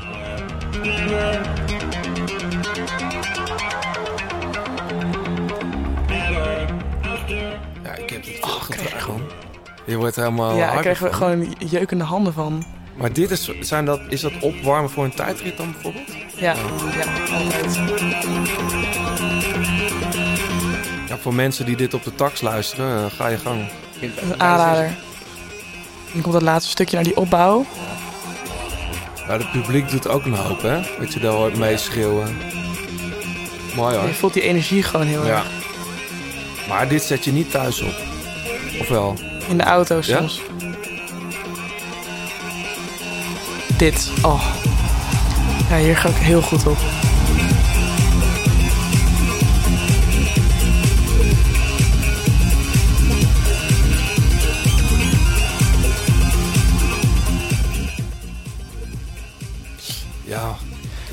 het blijft, het blijft. Dit is gewoon. Ik vind dit denk ik ook wel hun beste versie. Ja, sowieso. Ja, toch? Veel beter dan de alleen. Dan de originele. Klinkt een beetje oneerbiedig, maar. Nee, ik ben het wel met je eens. Maar het, het grappige aan dit, aan, dit, ehm, aan dit nummer, waarom misschien ook wel een beetje mijn eh, knijphandjes vandaan komen als ik dat eindstuk ja, hoor. Ja, want de mensen die zien dat niet. Er is geen video bij, maar ze zitten met de handen te knijpen. Alsof, ja, ik weet, wat doe je eigenlijk? Ja, ik word, word, het wordt helemaal. Nou, toen, ik- toen wij bij de jeugd of, of je nieuw, nou ik weet niet. We zaten bij de winter, gingen we heel vaak spinnen in de sportschool. Dan deden we een soort van krachttrainingje met z'n allen elke woensdag. En ehm, dan hadden we dan dan met bepaalde nummers gingen we dan of gingen klimmen of we deden een soort van tijdritje of weet ik veel allemaal oefeningetjes op die spinfiets. Dat was echt super leuk. En was, dit was eigenlijk bijna altijd was dit ons laatste nummer. En dan moesten we dus klimmen. En dan hadden we aan het einde hadden we een wedstrijdje wie het heetste wiel had. En wie het heetste wiel had, die, eh, die, mocht, eh, die mocht de cd van die week mee naar huis nemen. Dat was eigenlijk altijd, waren altijd een beetje vergelijkbare cd's. Het heetste wiel. Ja, het je ja, echt ja, met je hand erop? Ja, dus dan, eh, en, en dan gingen we allemaal aan het, einde van dit nummer. Dus dan heb je, wat- je net aan het einde Ja. hoorde, dat, was, dat gaat dan een minuutje door of zo. Ja, zeker. Ja. En ehm, dan gingen we met ons met die weerstandknop drukten we dan al zo hard mogelijk in. En dan zo echt lang mogelijk doortrappen, zo heet mogelijk. En dan ging de trainer zo het wiel meten. En wie het heetste wiel had, die mocht... eh dan kreeg ze dan mee. Hoe vaak heb jij die CD mee naar huis gekregen? Ik denk misschien maar één keertje, want we hadden natuurlijk ook een paar jongens die toch Oh, wel ja. vaak wonnen. Maar eh, als de trainer een keer lief was, dan, eh, of als de jongens niet waren, Ja. dan... Hey, dit heb jij ook meegenomen.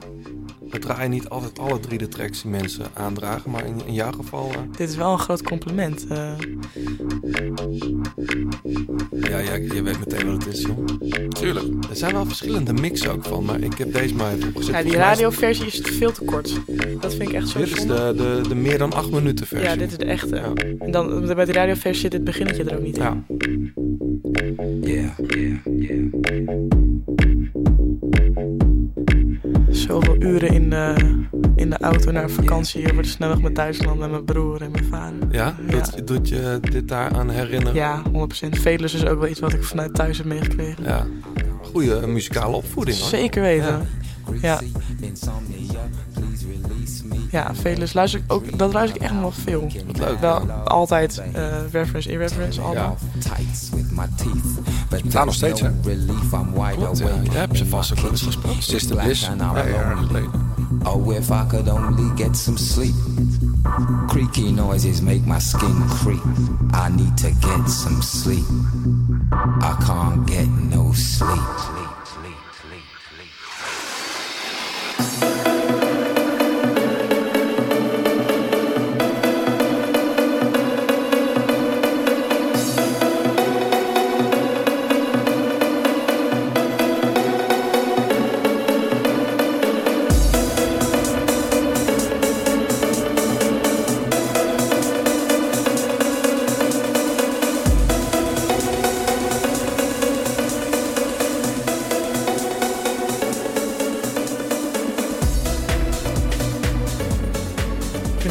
Wel lekker om eh, auto eh, op sportstand te zetten en dan met de drop van dit nummer voor het stoplicht eh, even, even gas over te draaien. Hoeveel boetes rij jij in het jaar? Niet vaak. Oh, ik ben, ik het valt mee. Ik ben, niet, ik ben niet iemand die heel roekloos rijdt. Maar ja, als ik helemaal vooraan het stoplicht sta, weet je Nee, maar roekloos rijden en op de snelweg een keer in de, de gas en... Ik heb, ik heb één keer een, een boete gereden. Dan moest ik in haast iemand wegbrengen naar het station. En toen had ik even mijn flitsmuis niet aangezet. Toen reed ik 80 over de 50 weg. Dus dat Ja. was niet een hele leuke boete ook. Hey, maar jij, jij, jij, jij hebt hier goede herinneringen aan. Je draait dit in de auto, maar het is wel allemaal dansmuziek. Dans je ook überhaupt? Ga je nog wel eens naar Ja. een feestje? Ik bedoel, je, je studeert ook nog, Mm. dus ik neem aan, in Utrecht is genoeg te doen. Ja, in, in, nou ja, goed, je hebt niet heel veel tijd om te feesten als wielrenner. Maar in de off-season, eh, dan doe ik wel even een paar keer gewoon... eh, Ja? En waar ga je dan? Naar Tivoli Vredenburg of zo? Of wat- waar, waar ga je dan heen te dansen? Of... Ja, we gaan naar Janskerkhof of eh, Ja. het gras of zo. Ja, precies. Maar goed, ik, wat ik zeg, ik, ik ga niet heel veel uit, want dat gaat niet. Maar, eh, Nee. Ik, ik heb altijd het idee, John, dat, dat top, topwielrenners misschien twee weken hebben waarin ze dat kunnen doen of zo. Ja. Oktober of zoiets. Oktober, drie weken, dan ga ik ook wel vol voor. Dan, Ja? Aan het einde van de drie weken ben ik altijd helemaal klaar mee. Verschrikkelijk. Dan ben ik, al, ik had zo blij dat ik weer terug mag in mijn autistische regime van eh, Ja. eten op tijd opstaan en eh, trainen. Ja. Maar eh, dan die drie weken even, even uitmelken, weet je wel. Ja. Maar ik moet wel lachen, want deze track heet natuurlijk Insomnia. Dus slapeloosheid. Maar volgens onze bronnen heb jij er niet zoveel last van. Jij slaapt echt eh, Oh, de hele dag door het liefst. Zo, ja. ja. Weet je waar deze kritiek vandaan komt? Iedereen is gewoon jaloers van mij. Dat Nou, is geen kritiek. Ja. Ik was... Oké, ik, Want jij maakt nogal wat uren. dit verhaal werd steeds, steeds gekker hoor. En aan het, einde van de week hoorde ik dat ik eh, van Lonneke zei... Ja, je kwam om 11 uur je bed uit. Maar dat is echt niet waar. Nee. Ik was gewoon om 9 uur wakker. Maar dat is Mhm. dan voor wielrennen is 9 uur. Ik is kwart over 9 in bed komen. Is gewoon, ik was vanochtend ook kwart over 9 in bed uit. Ja.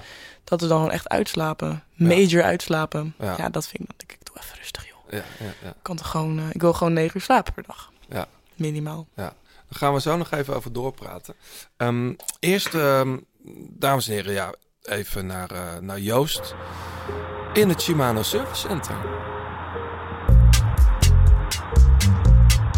Joost Hoetemans van Shimano Service Center, eh, daar zit hij weer. Ehm, we gaan het hebben, het is natuurlijk winter, het is koud, over overschoenen en warme kleding. Ja, er zijn mensen die het altijd koud hebben. Mensen die het nooit koud hebben. Wat, wat, wat, wat is nou een, een, een, het magische woord als het gaat om fietsen in de winter qua kleding? Het magische woord laagjes. eh, een heel duur eh, woord technische kleding. Niet zomaar een shirtje, maar een, een shirtje, een jasje, een broek, overschoenen die ook daadwerkelijk een, een, een functie hebben. Winddicht, waterdicht, eh, ademend, geef het maar een naam. Maar dan moet ik denken aan, aan zo'n Gabba-achtig. Gabba-achtig, ja. Gabba is natuurlijk sinds, ik denk sinds een jaar of tien in het peloton terechtgekomen. en door. Ongeveer elk merk dat kleding maakt gekopieerd. Zo'n succesformule was dat. Ja, het is een waterafstotend, bijna waterdicht eh, bovenkledingstuk, eh, jasje, dat ook ademt. En wat je bij echt temperaturen van rond de nul gewoon echt goed aan kan. Omdat het je, je lichaamswarmte Ik, wel ik haalt. merk altijd in de winter dat ik eerst weer even een paar ritjes gemaakt moet hebben. Om ook alweer te weten hoeveel laagjes ik aan moet. Want soms dan, dan, dan is het drie graden, ben je aan het Mhm. fietsen en dan schijnt de zon, heb je toch nog behoorlijk warm. Nou ja, het moeilijke van de winter is, ik denk niet dat er eh, één shirt voor de winter is en één shirt voor de zomer. Het is echt eh, de tijd van het jaar en in Nederland ook. Als het in september eh, s s'morgens heel koud begint te worden en je Hm. gaat weg, kan het om 11 uur zomaar 16 graden zijn. Ja. En dan ga je natuurlijk kapot als je heel veel kleren aan hebt. Dus Ja. dus ja, je moet echt keuzes maken. Neem je een lange broek, neem je beenstukken. Eh, dat zijn allemaal dingetjes die schelen natuurlijk, Ja. eh, ook qua warmte. Gewoon bij een Shimano Service Center ook verkrijgbaar, dit soort... eh, Zeker, alle soorten kleding. En daar kunnen ze je ook eh, echt wel helpen met, ja, wat ga je ermee doen? Maar een, een, een hek van mij dan. eh, als je weggaat, eh, vertrekt van huis, dan mag je het best wel een beetje koud hebben. Want als je 10 minuten fietsen bent, dan heb je het weer warm. En als je wegrijdt en je denkt van, nou, best wel lekker zo, dan heb je het gegarandeerd binnen een half uurtje benauwd. Shimano Center, nee, Shimano Service Center.com. Eh, toets daarin je land in en je postcode en dan kom je bij de dichtstbijzijnde winkel terecht. En daar kun je allerlei kleding en laagjes gaan passen. Bedankt Joost voor nu, tot de volgende. Geen dank, tot de volgende.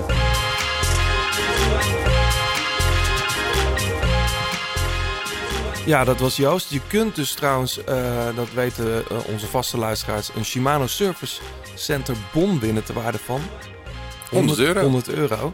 Wat je daarvoor moet doen, John. Je laat ons eh, via een DM op Insta weten of op Twitter. Jij zit nog steeds op Twitter. Nou, jij niet meer, hè? Nou, ik heb nog een account. Ehm, je laat ons weten waarom je die bon heel goed kan gebruiken. En waar je hem voor wil gaan inzetten. Ehm, dramatische verhalen doen het bij jury, eh, hoofdjurylid John altijd heel goed. Dus pech onderweg of andere fietsavonturen. Hoeft natuurlijk niet, mag ook een heel ander verhaal zijn. Maar goed, als jij eh, kans wil maken op zo'n Shimano Service Center bon... dan weet je ons op de Instagram en Twitter te vinden. En je kunt er ook heen met een fiets waar geen Shimano op zit. Dus, Oh, ja, naar het Shimano Service Center. naar het Shimano. Service Center, ja, zoals daar- je SRAM hebt of Zeker. Campiolo. Ehm, ja, we hadden het met Joost over eh, overschoenen en warme kleding. Ik, ik, ik vind het altijd in het begin van de winter altijd heel moeilijk inschatten, Misha, wat je nou precies aan moet doen. En iedereen heeft het dan over laagjes en zo. Maar heb jij nog een gouden tip voor ons? Als jij met kou gaat fietsen, zeg maar echt onder, onder de 5 graden, of, doe je, of blijf je dan ook binnen? Nee, nee, ik blijf nooit binnen. Nee? Ik vind, het, ik vind eh, indoor fietsen niet echt eh, mijn ding. Nee, helemaal niet. Nee. Nee. Ja, gewoon eh, goed aankleden. En als je het koud hebt, ook niet te veel piepen. Want je komt wel weer naar thuis. Ja. Je kan dat ook trainen, hè? Oh ja? Ja, ja, tuurlijk. Ik, kan, eh, ik heb heel, niet heel vaak koude handen meer. Want vroeger zo vaak huilend in de schuur gestaan eh, toen ik jong was. Dat nu, Maar je doet er wel handschoenen aan. Of wat? ja, onder de 5 graden doe ik handschoenen aan. Da daarboven niet? Nee. Nee. Ik heb niet zo snel koude handen. Nee. Nou.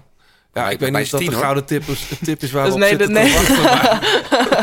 Nee, dat we is geen... een paar keer janken Ja, in de sorry. schuur. Nee, maar goed, dat doen we het mee hoor. Dat doen we het mee. Ehm, nu we het toch over dat soort dagelijkse eh, routines hebben. Eh, ik vind het leuk, en dat vinden onze luisteraars leuk... om heel even een soort standaard eh, dag van jou door te nemen. En dan hebben we het niet over een wedstrijddag. Mhm. Jij zei net al, kwart over negen is uitslapen voor mij. Hoe gaat het op een normale dag? Je moet trainen. Ja. Hoe laat gaat de wekker? Ehm, ja, half negen of zo. Als ik niet lang, niet lang train, dan negen uur. Ja. Ik ben ik hou niet zo van heel vroeg opstaan. Nee. En dan eh, ja, ontbijtje met eh, ja, een paar boterhammen met een eitje of zo. Of wat havermout. Een beetje waar je zin in hebt. Een paar boterhammen. Ja, is, als ik lang moet trainen is het of, het is of vier boterhammen of eh havermout. En wat gaat erop, op die boterham? Eitjes, ik ben wel een, ge- Oh ja? een gebakken ei-fan. Wat ik nu dus, dus mijn, mijn tegenwoordige guilty pleasure is eh, mijn eieren bakken in het, in het kippenvet dat mijn pa heeft gebruikt om vlees in te maken. Dat is echt fucking lekker. Maar dat moet hij dan eh, van, de, van de avond ervoor bedoel ja, ja, zijn? ja, Oh, dat is gewoon een pan met, met, met vet, met gewoon lekker smaakje aan. Oh, ja? Ja. Ja, ik weet niet of mijn diëtist heel gelukkig hiervan wordt, ik het zeg, maar eh, soms, soms is dat wel gewoon echt lekker. Mhm. Nou ja, dan ga je vier uurtjes trainen of zo en...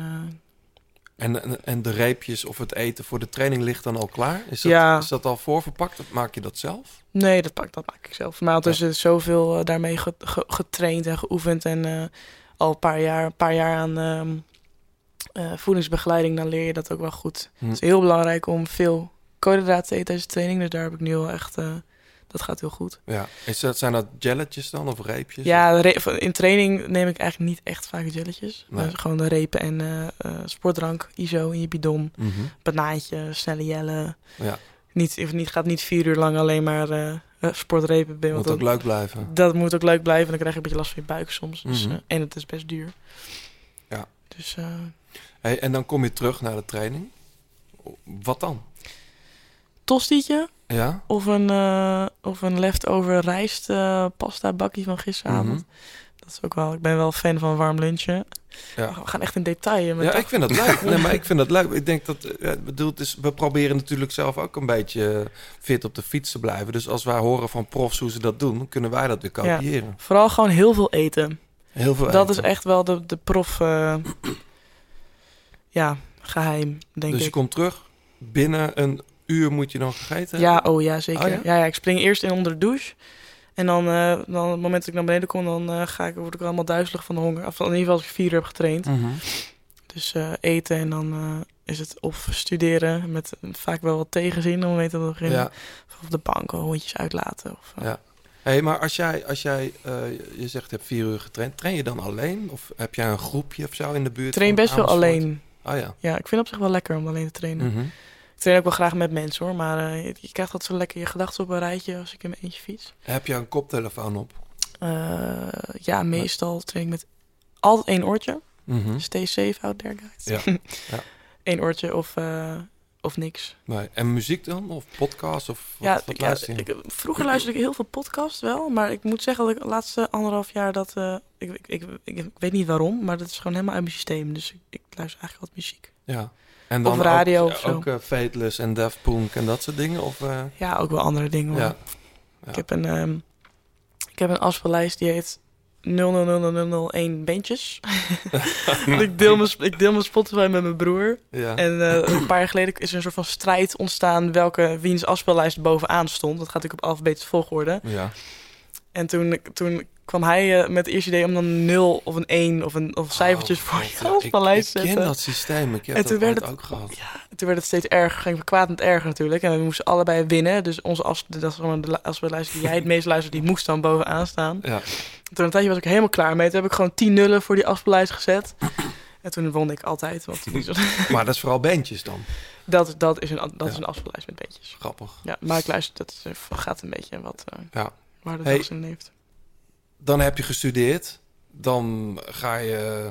Ja, dan moet de avond gegeten worden. Mm. Kook je zelf of wordt er voor je gekookt? Hoe, hoe werkt dat in, Ik, eh, in huis in? Want woon je nog thuis? Ik woon nog thuis, Ja. ja, bij mijn pa. Mhm. En eh, ik moet wel eh, toegeven dat hij wel heel vaak kookt. Hij Ja. is wel echt een kookfanaat ook. Dus ik, ik bied het wel vaak aan, maar hij wil het altijd zelf koken. Dus dan doe ik of ik doe de boodschappen of ik, Ja. of ik ruim, ik ruim vaak op of zo. Mhm. En, en ben je dan ook alweer bezig die avond met wat je eet? Met, met wat er op de planning staat voor de volgende dag? Met koersen wel. Mm. Als ik eh, dat in het weekend moet koersen, dan, dan, dan vraag ik ook echt wel of ze daar rekening mee willen houden. En als het, als het niet eh, helemaal aansluit op mijn...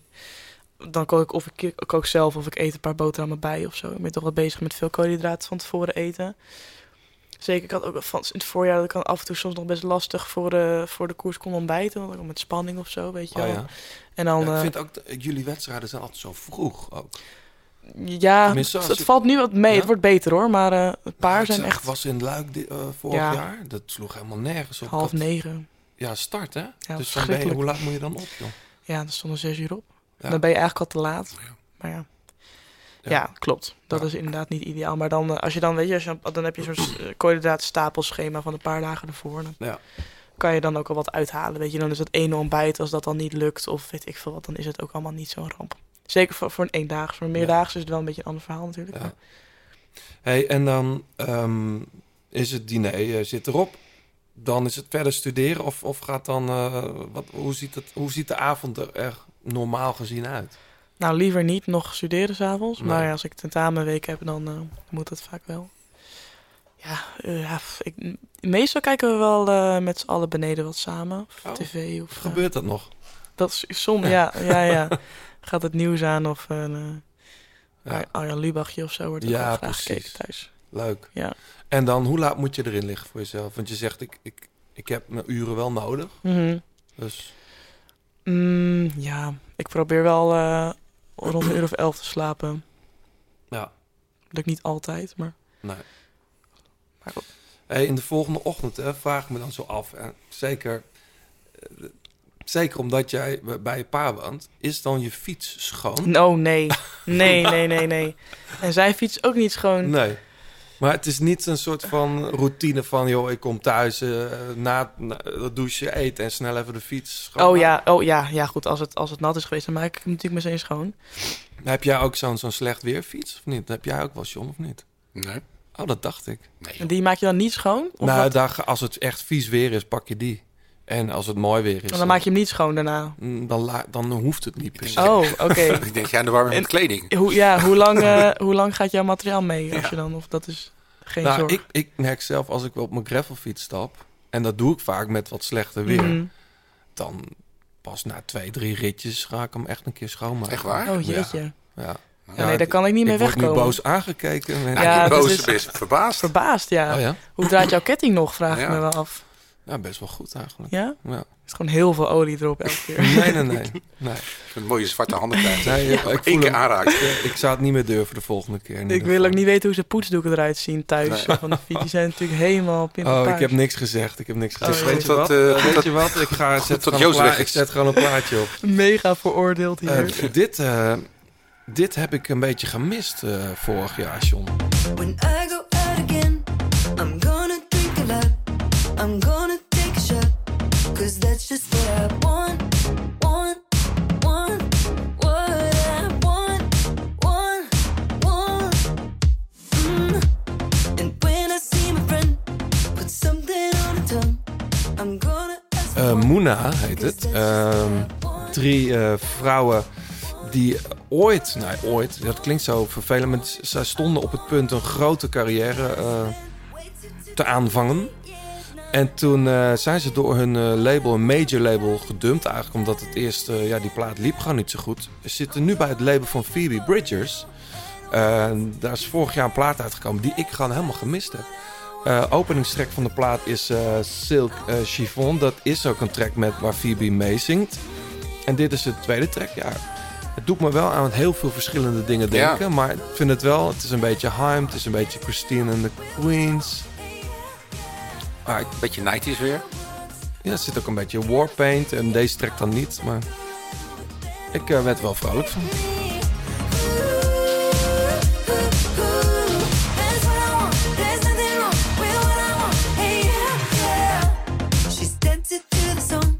Je luistert nog steeds naar de grote plaat. Alle liedjes in deze en vorige afleveringen luister je in zijn geheel terug in de playlist De Grote Plaat Songs op Spotify.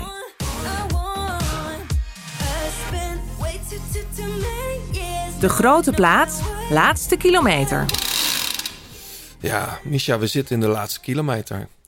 Ehm, wat wij dan altijd doen is vooruitblikken. Ehm, hoe, hoe ziet jouw winter er verder uit?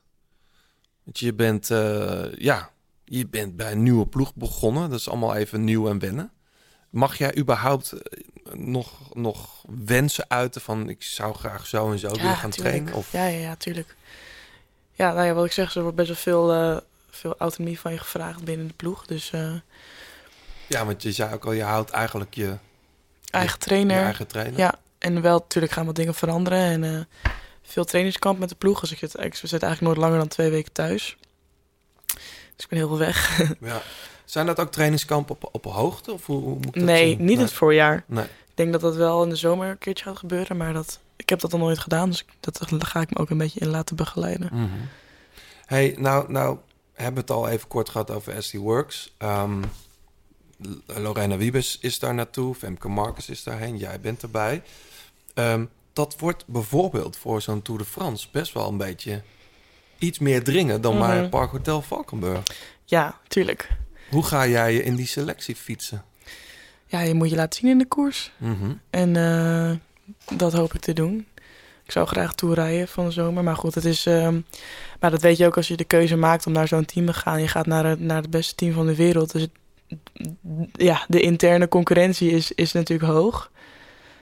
Ehm, maar goed, dat moet ik ook een beetje gaan ervaren allemaal. Want Hm. ja, dat weet ik ook natuurlijk niet precies hoe dat eh, gaat. Maar ja, eh, de benen moeten spreken. En als je die koers die omhoog lopen heel goed rijdt... Ja, dan heb je een grotere kans om heen te gaan naar de Tour. Mhm. En anders niet. Is het trouwens, eh, ja, ik denk het niet eigenlijk, maar is het, ben benieuwd hoe jij daar naar kijkt. Ehm, jij bent denk ik nu de vierde of vijfde renster die, van, die met een parkhotel Valkenburg verleden bij SD Works. Is ja, dat toevallig? De vierde, ja. Nou ja, ze hebben... Danny, Danny en eh, Raymond hebben wel goed contact met elkaar. Danny Stam. Ja, Ja. de, de teammanager, ploegleider van eh SD Works. Ehm, dus dat, ja, dat helpt wel. En ehm, hij heeft mij ook vorig jaar al na Ronde van Vlaanderen... het eerste jaar ging al best wel goed. Heeft hij mij een beetje op de, op de radar gebracht bij Danny. Dus dat, ja, dat, dat helpt natuurlijk wel als je wat goede contacten daarbinnen hebt. Ehm, en Danny, nou goed, Danny heeft gewoon een goed neusje voor om eh, de goede meiden uit te pikken en ook de goede karakters bij elkaar te zetten. Dus daar kijken ze ook wel naar. Dat was op zich ook wel leuk om te horen van. ehm dat geldt voor, ook voor Femke. eh, dat, ja, dat ze daar ook naar hebben gekeken. Naar hoe, hoe, gaan we, hoe gedragen we ons in de groep en hoe zijn we als persoon en past dat binnen het team. Dus toch altijd wel, eh, ze hebben wel een, ehm, het al jarenlang een heel, hele goede sfeer in de ploeg bij SD Works. Dus dat, ja, dat, Mm. dat, gaat daar, dat speelt ook allemaal mee. Ja. Was het, was het een gek idee om... eh, Je hebt denk ik ooit een soort van ja, sollicitatiegesprek is misschien het verkeerde woord, maar een eerste gesprek Mhm. met, met Dennis Stam en Anne van der Breggen gehad. Ehm, Anna is natuurlijk, ja, we hadden het net al over Marianne Vos als goat, maar Anna is daar, staat daar gewoon naast, denk Ja, ik. zeker. Ehm, dat lijkt me best wel impressive of zo, om dan ineens ten opzichte van Anne van der Breggen tegenover haar te zitten en dan Ja. te gaan vertellen wat jij allemaal in je mars hebt en wat je, gaat, wat je wil, wat je dromen zijn. Ja, ja, zij, ja goed, zij, zij eh, wilde graag met mij in gesprek. Dus dat, dat heb je ook, dat, heb je dan een iets fijnere uitgangspositie of zo. En ze waren daar ook heel open en eerlijk over. En eh, ik, ik, ik heb, heb al die gesprekken gedaan met, eh, met Lars van der Broek, mijn, mijn riders agent. Mhm. En dat was eigenlijk grappig. dus Ik heb met een goed aantal ploegen die face-to-face gesprekken gehad. Want, want er waren meerdere ploegen die jou wilden hebben. Ja, ik heb wel meerdere gesprekken gevoerd. En eh nou, daar was een beetje een selectie in gemaakt. En met een aantal teams ga, je dan, ga ik dan zelf ook echt in gesprek. Het was heel fijn dat Lars me daar heel goed in eh, heeft geholpen. En we, wij, we, dat gesprek eindigde. En dat was, eh, het was online, want zij zaten in Spanje. Hm. En we hingen op en Lars en ik belden elkaar terug. En we, nou, we, we, we barsten gewoon in lachen uit. Oh ja? Allebei zonder een woord te zeggen. En Lars zei meteen van, ja Mies, nou ik weet het volgens mij al hoor.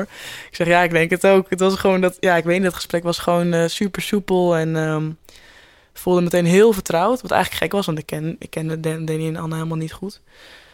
Ja, en uiteindelijk ben ik wel echt zo'n eh, gevoelspersoon. Maar waar zit dat dan in? Kan je, kan je dat- Ja, gewoon een, ge- ja, ik- ja, zo'n bepaald soort chemie die je met elkaar hebt. En eh, gevoel, gevoel van eh, comfort of zo. En ik voelde veel vertrouwen van hun kant. En eh, dat was voor mij heel belangrijk. Want ik had wel ook tegen hen gezegd van... Ja, goed, ik ga wel naar het beste team van de wereld. Wat, wordt- wat wordt mijn plek dan, weet je wel? Veel druk. En nou, dat, dat hebben ze allemaal bij me weggehaald. En dat was voor mij eigenlijk het enige waarvan ik dacht... Nou ja, ga ik dan wel naar SD-Works? Want dan is er misschien heel veel druk.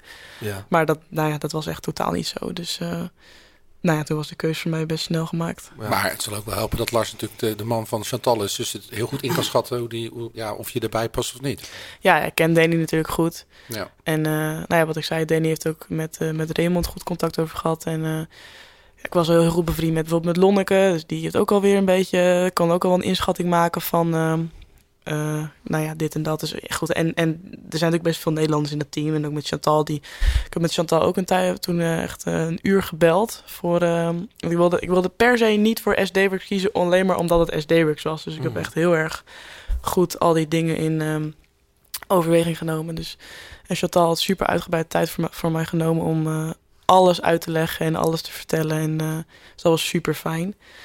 Dus nou ja, mm, zo alles, al die puzzelstukjes bij elkaar, was er een wederzijdse klik, denk ik. Ja. Wanneer is jouw eerste wedstrijd? Ja, eh, nieuwsblad of strade, denk ik. Ik, gewoon, ik heb, we hebben het nog niet over programma's, eh, geen concrete plannen. Dat komt allemaal in december. Ja. Dat is er al geweest als dit uitkomt, maar dat weet ik nu nog niet. Nee. Dus dat zou een van die twee, denk ik. En eh, wanneer is jouw seizoen geslaagd?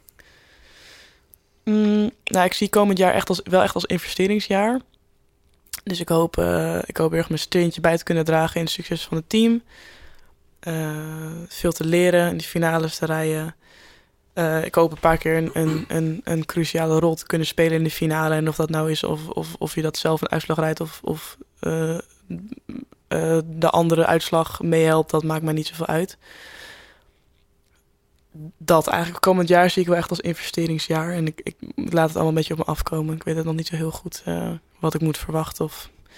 Ik, vind het ook, ik, vind, ik, ik durf niet een eh, resultaatdoel eh, eraan te hangen, zeg maar. Want ja, Aan de andere kant, als jij dat gevoel hebt van overrompeld te zijn door zelfvertrouwen. Ik bedoel, zo eindigde het wielerjaar een beetje voor jou. Mhm. Als je dat weet door te zetten. Ja, en dat was ik heb een gesprek al wel gehad met, met Danny ook over wat andere dingen voor volgend jaar. En ja, toen, toen nam ik een beetje een, een, een eh, passieve. Of goed, dat ik volgend jaar misschien ook wel veel in dienst zal gaan rijden en dat soort dingen. Toen zei, dat vond ik wel opvallend. Dat zei hij ook echt tegen mij van ja, neem juist, juist wat je in die laatste paar maanden in het seizoen hebt gedaan met dat. Nou ja, hoe je aan die overwinningen bent gekomen, et cetera. Neem dat ook mee. Dat willen juist dat je dat, je dat meeneemt, weet je. Dat vond ik dat dan weer, oh. Oké, dus we kijken er wel eens op die manier naar. Maakt het, John, want jij bent ook ploegleider geweest. Maakt het, maakt het voor een ploeg eigenlijk uit als er een, een, een, een nieuw talent bij komt eh, in de pickorde? Het gaat er toch om dat die ploeg wint. Dus het maakt toch niet uit of, of weet ik veel, of Kopecky wint of, of Vollering of Bredewold. Nee, zeker niet. Maar wat, wat Michel ook eh, heel terecht aangeeft, het gaat vooral om de chemie in een groep. Dat je voor elkaar door het vuur wilt gaan en dat je, dat je vrienden bent. En eh, Mhm. ze hebben nu natuurlijk in eh, Amerika al een, fun- een fundament gelegd. En ik denk niet dat er, dat er zoveel, dat er een kastensysteem is dat jonge, jonge meiden daar gewoon minder kansen krijgen. Maar ja, weet je, de sterkste op die dag, ja, daar wordt wel voor gekoerst. En dat is Ja. ook, ja, daar is die proef professioneel genoeg voor. Ja. Wat ik, wat ik mooi vind aan het team is dat het... Het maakt daar gewoon echt niet uit wie er wint. Weet je, als het maar een van hun is. En dat, dat is, daar zie je erg aan dat je... Nou ja, wat je zegt, dat iedereen voor elkaar door het vuur gaat. En dat vind ik een mentaliteit dat je echt als collectief koerst. Wat denk ik heel goed bij mij past. En wat ik ook heel, heel inspirerend vind. Dus ik heb ook heel erg zin om, om, ja, om anderen daarbij te helpen. En eh, daar een onderdeel van te zijn. Dat is, Nou, het, het, het biedt je ook misschien onverwachte kansen. Want volgens mij was het ook de Holland Ladies Tour. Dat Lon- Lonneke Unike op de Vanberg Mhm. zo lang ervoor rijdt. Ja, dan wint zij ook dankzij de ploeg die daarachter eh het op slot houdt. Mhm. Dus je moet gewoon weten wanneer je je kansen kan pakken. Ja. Ja. Maar we, we, we begonnen net over, een beetje gekscherend over die wereldtitel. Hè? Maar Heb jij voor jezelf een stip aan de horizon van nou, dan, dan moet ik echt top of the game zijn? Welk jaar bedoel je? Ja, Nee, bijvoorbeeld. nee, geen idee. Mijn eh, ontwikkeling eh, is afgelopen jaar zoveel sneller gegaan dan dat ik dacht. Eh, maar dat, je gaat ook een keer stagneren. En, dat, en, en wanneer dat dan gebeurt, geen idee. Ik, kan, ik had afgelopen jaar nog geen wereldkampioen kunnen worden, weet je. Dus ik moet echt nog wel stap, flinke stappen maken om dat soort wedstrijden te gaan winnen. Maar ja, of dat al binnen 1, 2, 3 of 4 jaar gebeurt, ja, dat, dat kan ik je niet met zekerheid Dus zeggen. je hebt niet de UC-kalender erbij en dan zeg je nou, dan is het daar. Nee, nog, nog, niet echt zo ver. eh. zeker omdat ik, ik denk komend jaar gaat er genoeg op me afkomen met een nieuw team. En voor het eerste World Tour. En eh, ja, niet zomaar een team, weet je. Dus ik heb echt wel een hoop verantwoordelijkheden. Dus mijn eerste stap is dat allemaal op me af laten komen. En eh, kijken hoe ik daarin pas en mijn plekje vinden. En daarin doorgroeien. En dus dat, als je dan wat, wat ik afgelopen jaar, die doelen die ik heb gesteld met Park, dat was ook nadat ik al een jaar daar echt een heel sterke basis natuurlijk heb gemaakt. Dus het kost allemaal echt wel een jaar kosten om weer die nieuwe basis te vinden bij SD-Works. En dan eh, vanuit daar weer doorbouwen. Hey, met jouw studie wordt natuurlijk helemaal niks volgens ik, als ik Jawel, Ja? jawel. Ik, Demotiveer me nou niet. Nee, nee dat moet ik niet doen. Nee. wordt Ik heb fantastisch. wel respect voor je als je echt Nou. een zware training doet en dan gaat studeren. Want ik kan niet eens een, een berichtje tikken. Ja, dit lukt echt niet altijd hoor. Ik Nee. moet, moet niet als een, als een heilige superster. eh. Maar ik, ik, ik doe mijn best en ik vind mijn studie superleuk. Dus dat, eh, dat helpt heel erg. En ik heb, nou ja, wat ik zeg met die topsportstatus. eh, en ik heb heel vaak zijn er docenten of professoren of weet ik het, die heel behulpzaam zijn.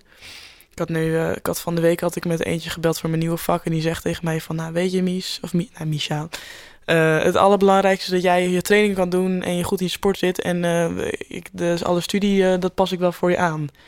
Nou ja, dan, ja, als ik het dat dan laat liggen, is ook zonde, weet je wel. Dus Zeker. Dat, dat is maar als ik het, ja, ik, ik wil je absoluut niet demotiveren, maar het lijkt me echt ingewikkeld. Ik hoor dat ook wel eens van, van, van jongens uit het, uit het mannenpeloton. Er zijn maar weinigen die dat kunnen, die dat kunnen volhouden. En als ik het dan zo bij jou zie, denk ik, de kans is misschien wel groter dat jij eerst een klassieker wint dan dat je afstudeert. Ja, misschien wel. Nou, ik, moet, ik moet nog twee jaar. Mhm. Mijn, mijn prioriteit ligt bij het wielrennen. Dat heb Ja. ik wel. eh, dus, dus als het echt niet lukt met mijn studie, dan, eh, dan niet. Nee. Maar ik wil hem wel graag. Ik ben wel zo ver dat ik het nu wel heel zonde vind om te stoppen. En- Want al Tuurlijk. heb ik echt al vier jaar had werk, gooi ik echt weg. Dat is ook zonde. Dat is echt heel zonde. Ja. Dus ja, en, eh, en ik, ik mag er tien jaar over doen. Dus ja. Komt wel goed eigenlijk. Ja, ik denk het wel. En wel, in de winter heb ik best tijd om te studeren, weet je. En als het dan desnoods doe ik in het, wet, in het wettenseizoen niks. Mhm. Ja, nou ja, dat is dan... eh, Ja. doe ik er wel heel lang over, maar goed. Ik vond het te gek dat je hier- was. Ik denk Ja, dat, eh, dat we heel veel luisteraars ook hebben blij gemaakt. Want we, we hebben weer iemand om extra op te letten in de, in de, in de koersen dit jaar. Hm. Ehm, heel veel succes. Ehm, Dankjewel. Ik ben heel benieuwd waar dit eh, gaat eindigen, John. We gaan ehm, los van jou nog heel veel andere mensen bedanken. Zeker. Allereerst. Onze zeer gewaardeerde titelsponsor, Garmin en Tax. Ja. En eh, vergeet niet, eh, als je een Garmin 1040 Solar wil aanschaffen, om eh, op garmin.com met de kortingscode Grote Plaat Solar een eh, gratis hartslagmeter, als hartslagmeterband, dat is bijvoorbeeld mij, 1270 euro eh, bij, de, ja, bij je fietscomputer dus. Verder bedanken wij Fleur Wallenburg voor het uitlenen van haar prachtige stem. 36 Cycling voor de fietskleding die je hier kunt winnen. En eh, Pankra voor het logo van de grote plaat. Jullie bedankt natuurlijk voor het luisteren. Laat even een reactie achter op Apple Podcast of Insta, de grote plaat of Twitter. En wie weet hou je volgende keer de podcast. Tot de volgende. Tot de volgende keer. Wat was het nou voor een wekker, Michel? Was dat eh, Ja, ik heb eigenlijk om drie uur een afspraak, maar dat wordt... eh, rennen? Het wordt rennen. Hier in de stad? Of, eh? Nee, Amersfoort. Oh. Er wordt even bellen dat ik iets later ben. Ja. Maar goed. Ik vond het in ieder geval heel erg leuk dat je er was. Ja, ik ook. Heel erg bedankt voor de uitnodiging. Was echt, eh, was echt heel erg leuk. Zullen we over twee, drie jaar je nog een keer uitnodigen? Ja, dan neem ik eh, mijn WK-truitje mee. Ja. Oh. wat een ambitieuze op- uitmerking. Daar gaan we je aan houden. Ik hoop het. Dus dan heb ik wel een goede stok achter de deur. Ja, ja, ik ja, ga het heel- proberen. Tot de volgende keer. Yes. Tot de volgende.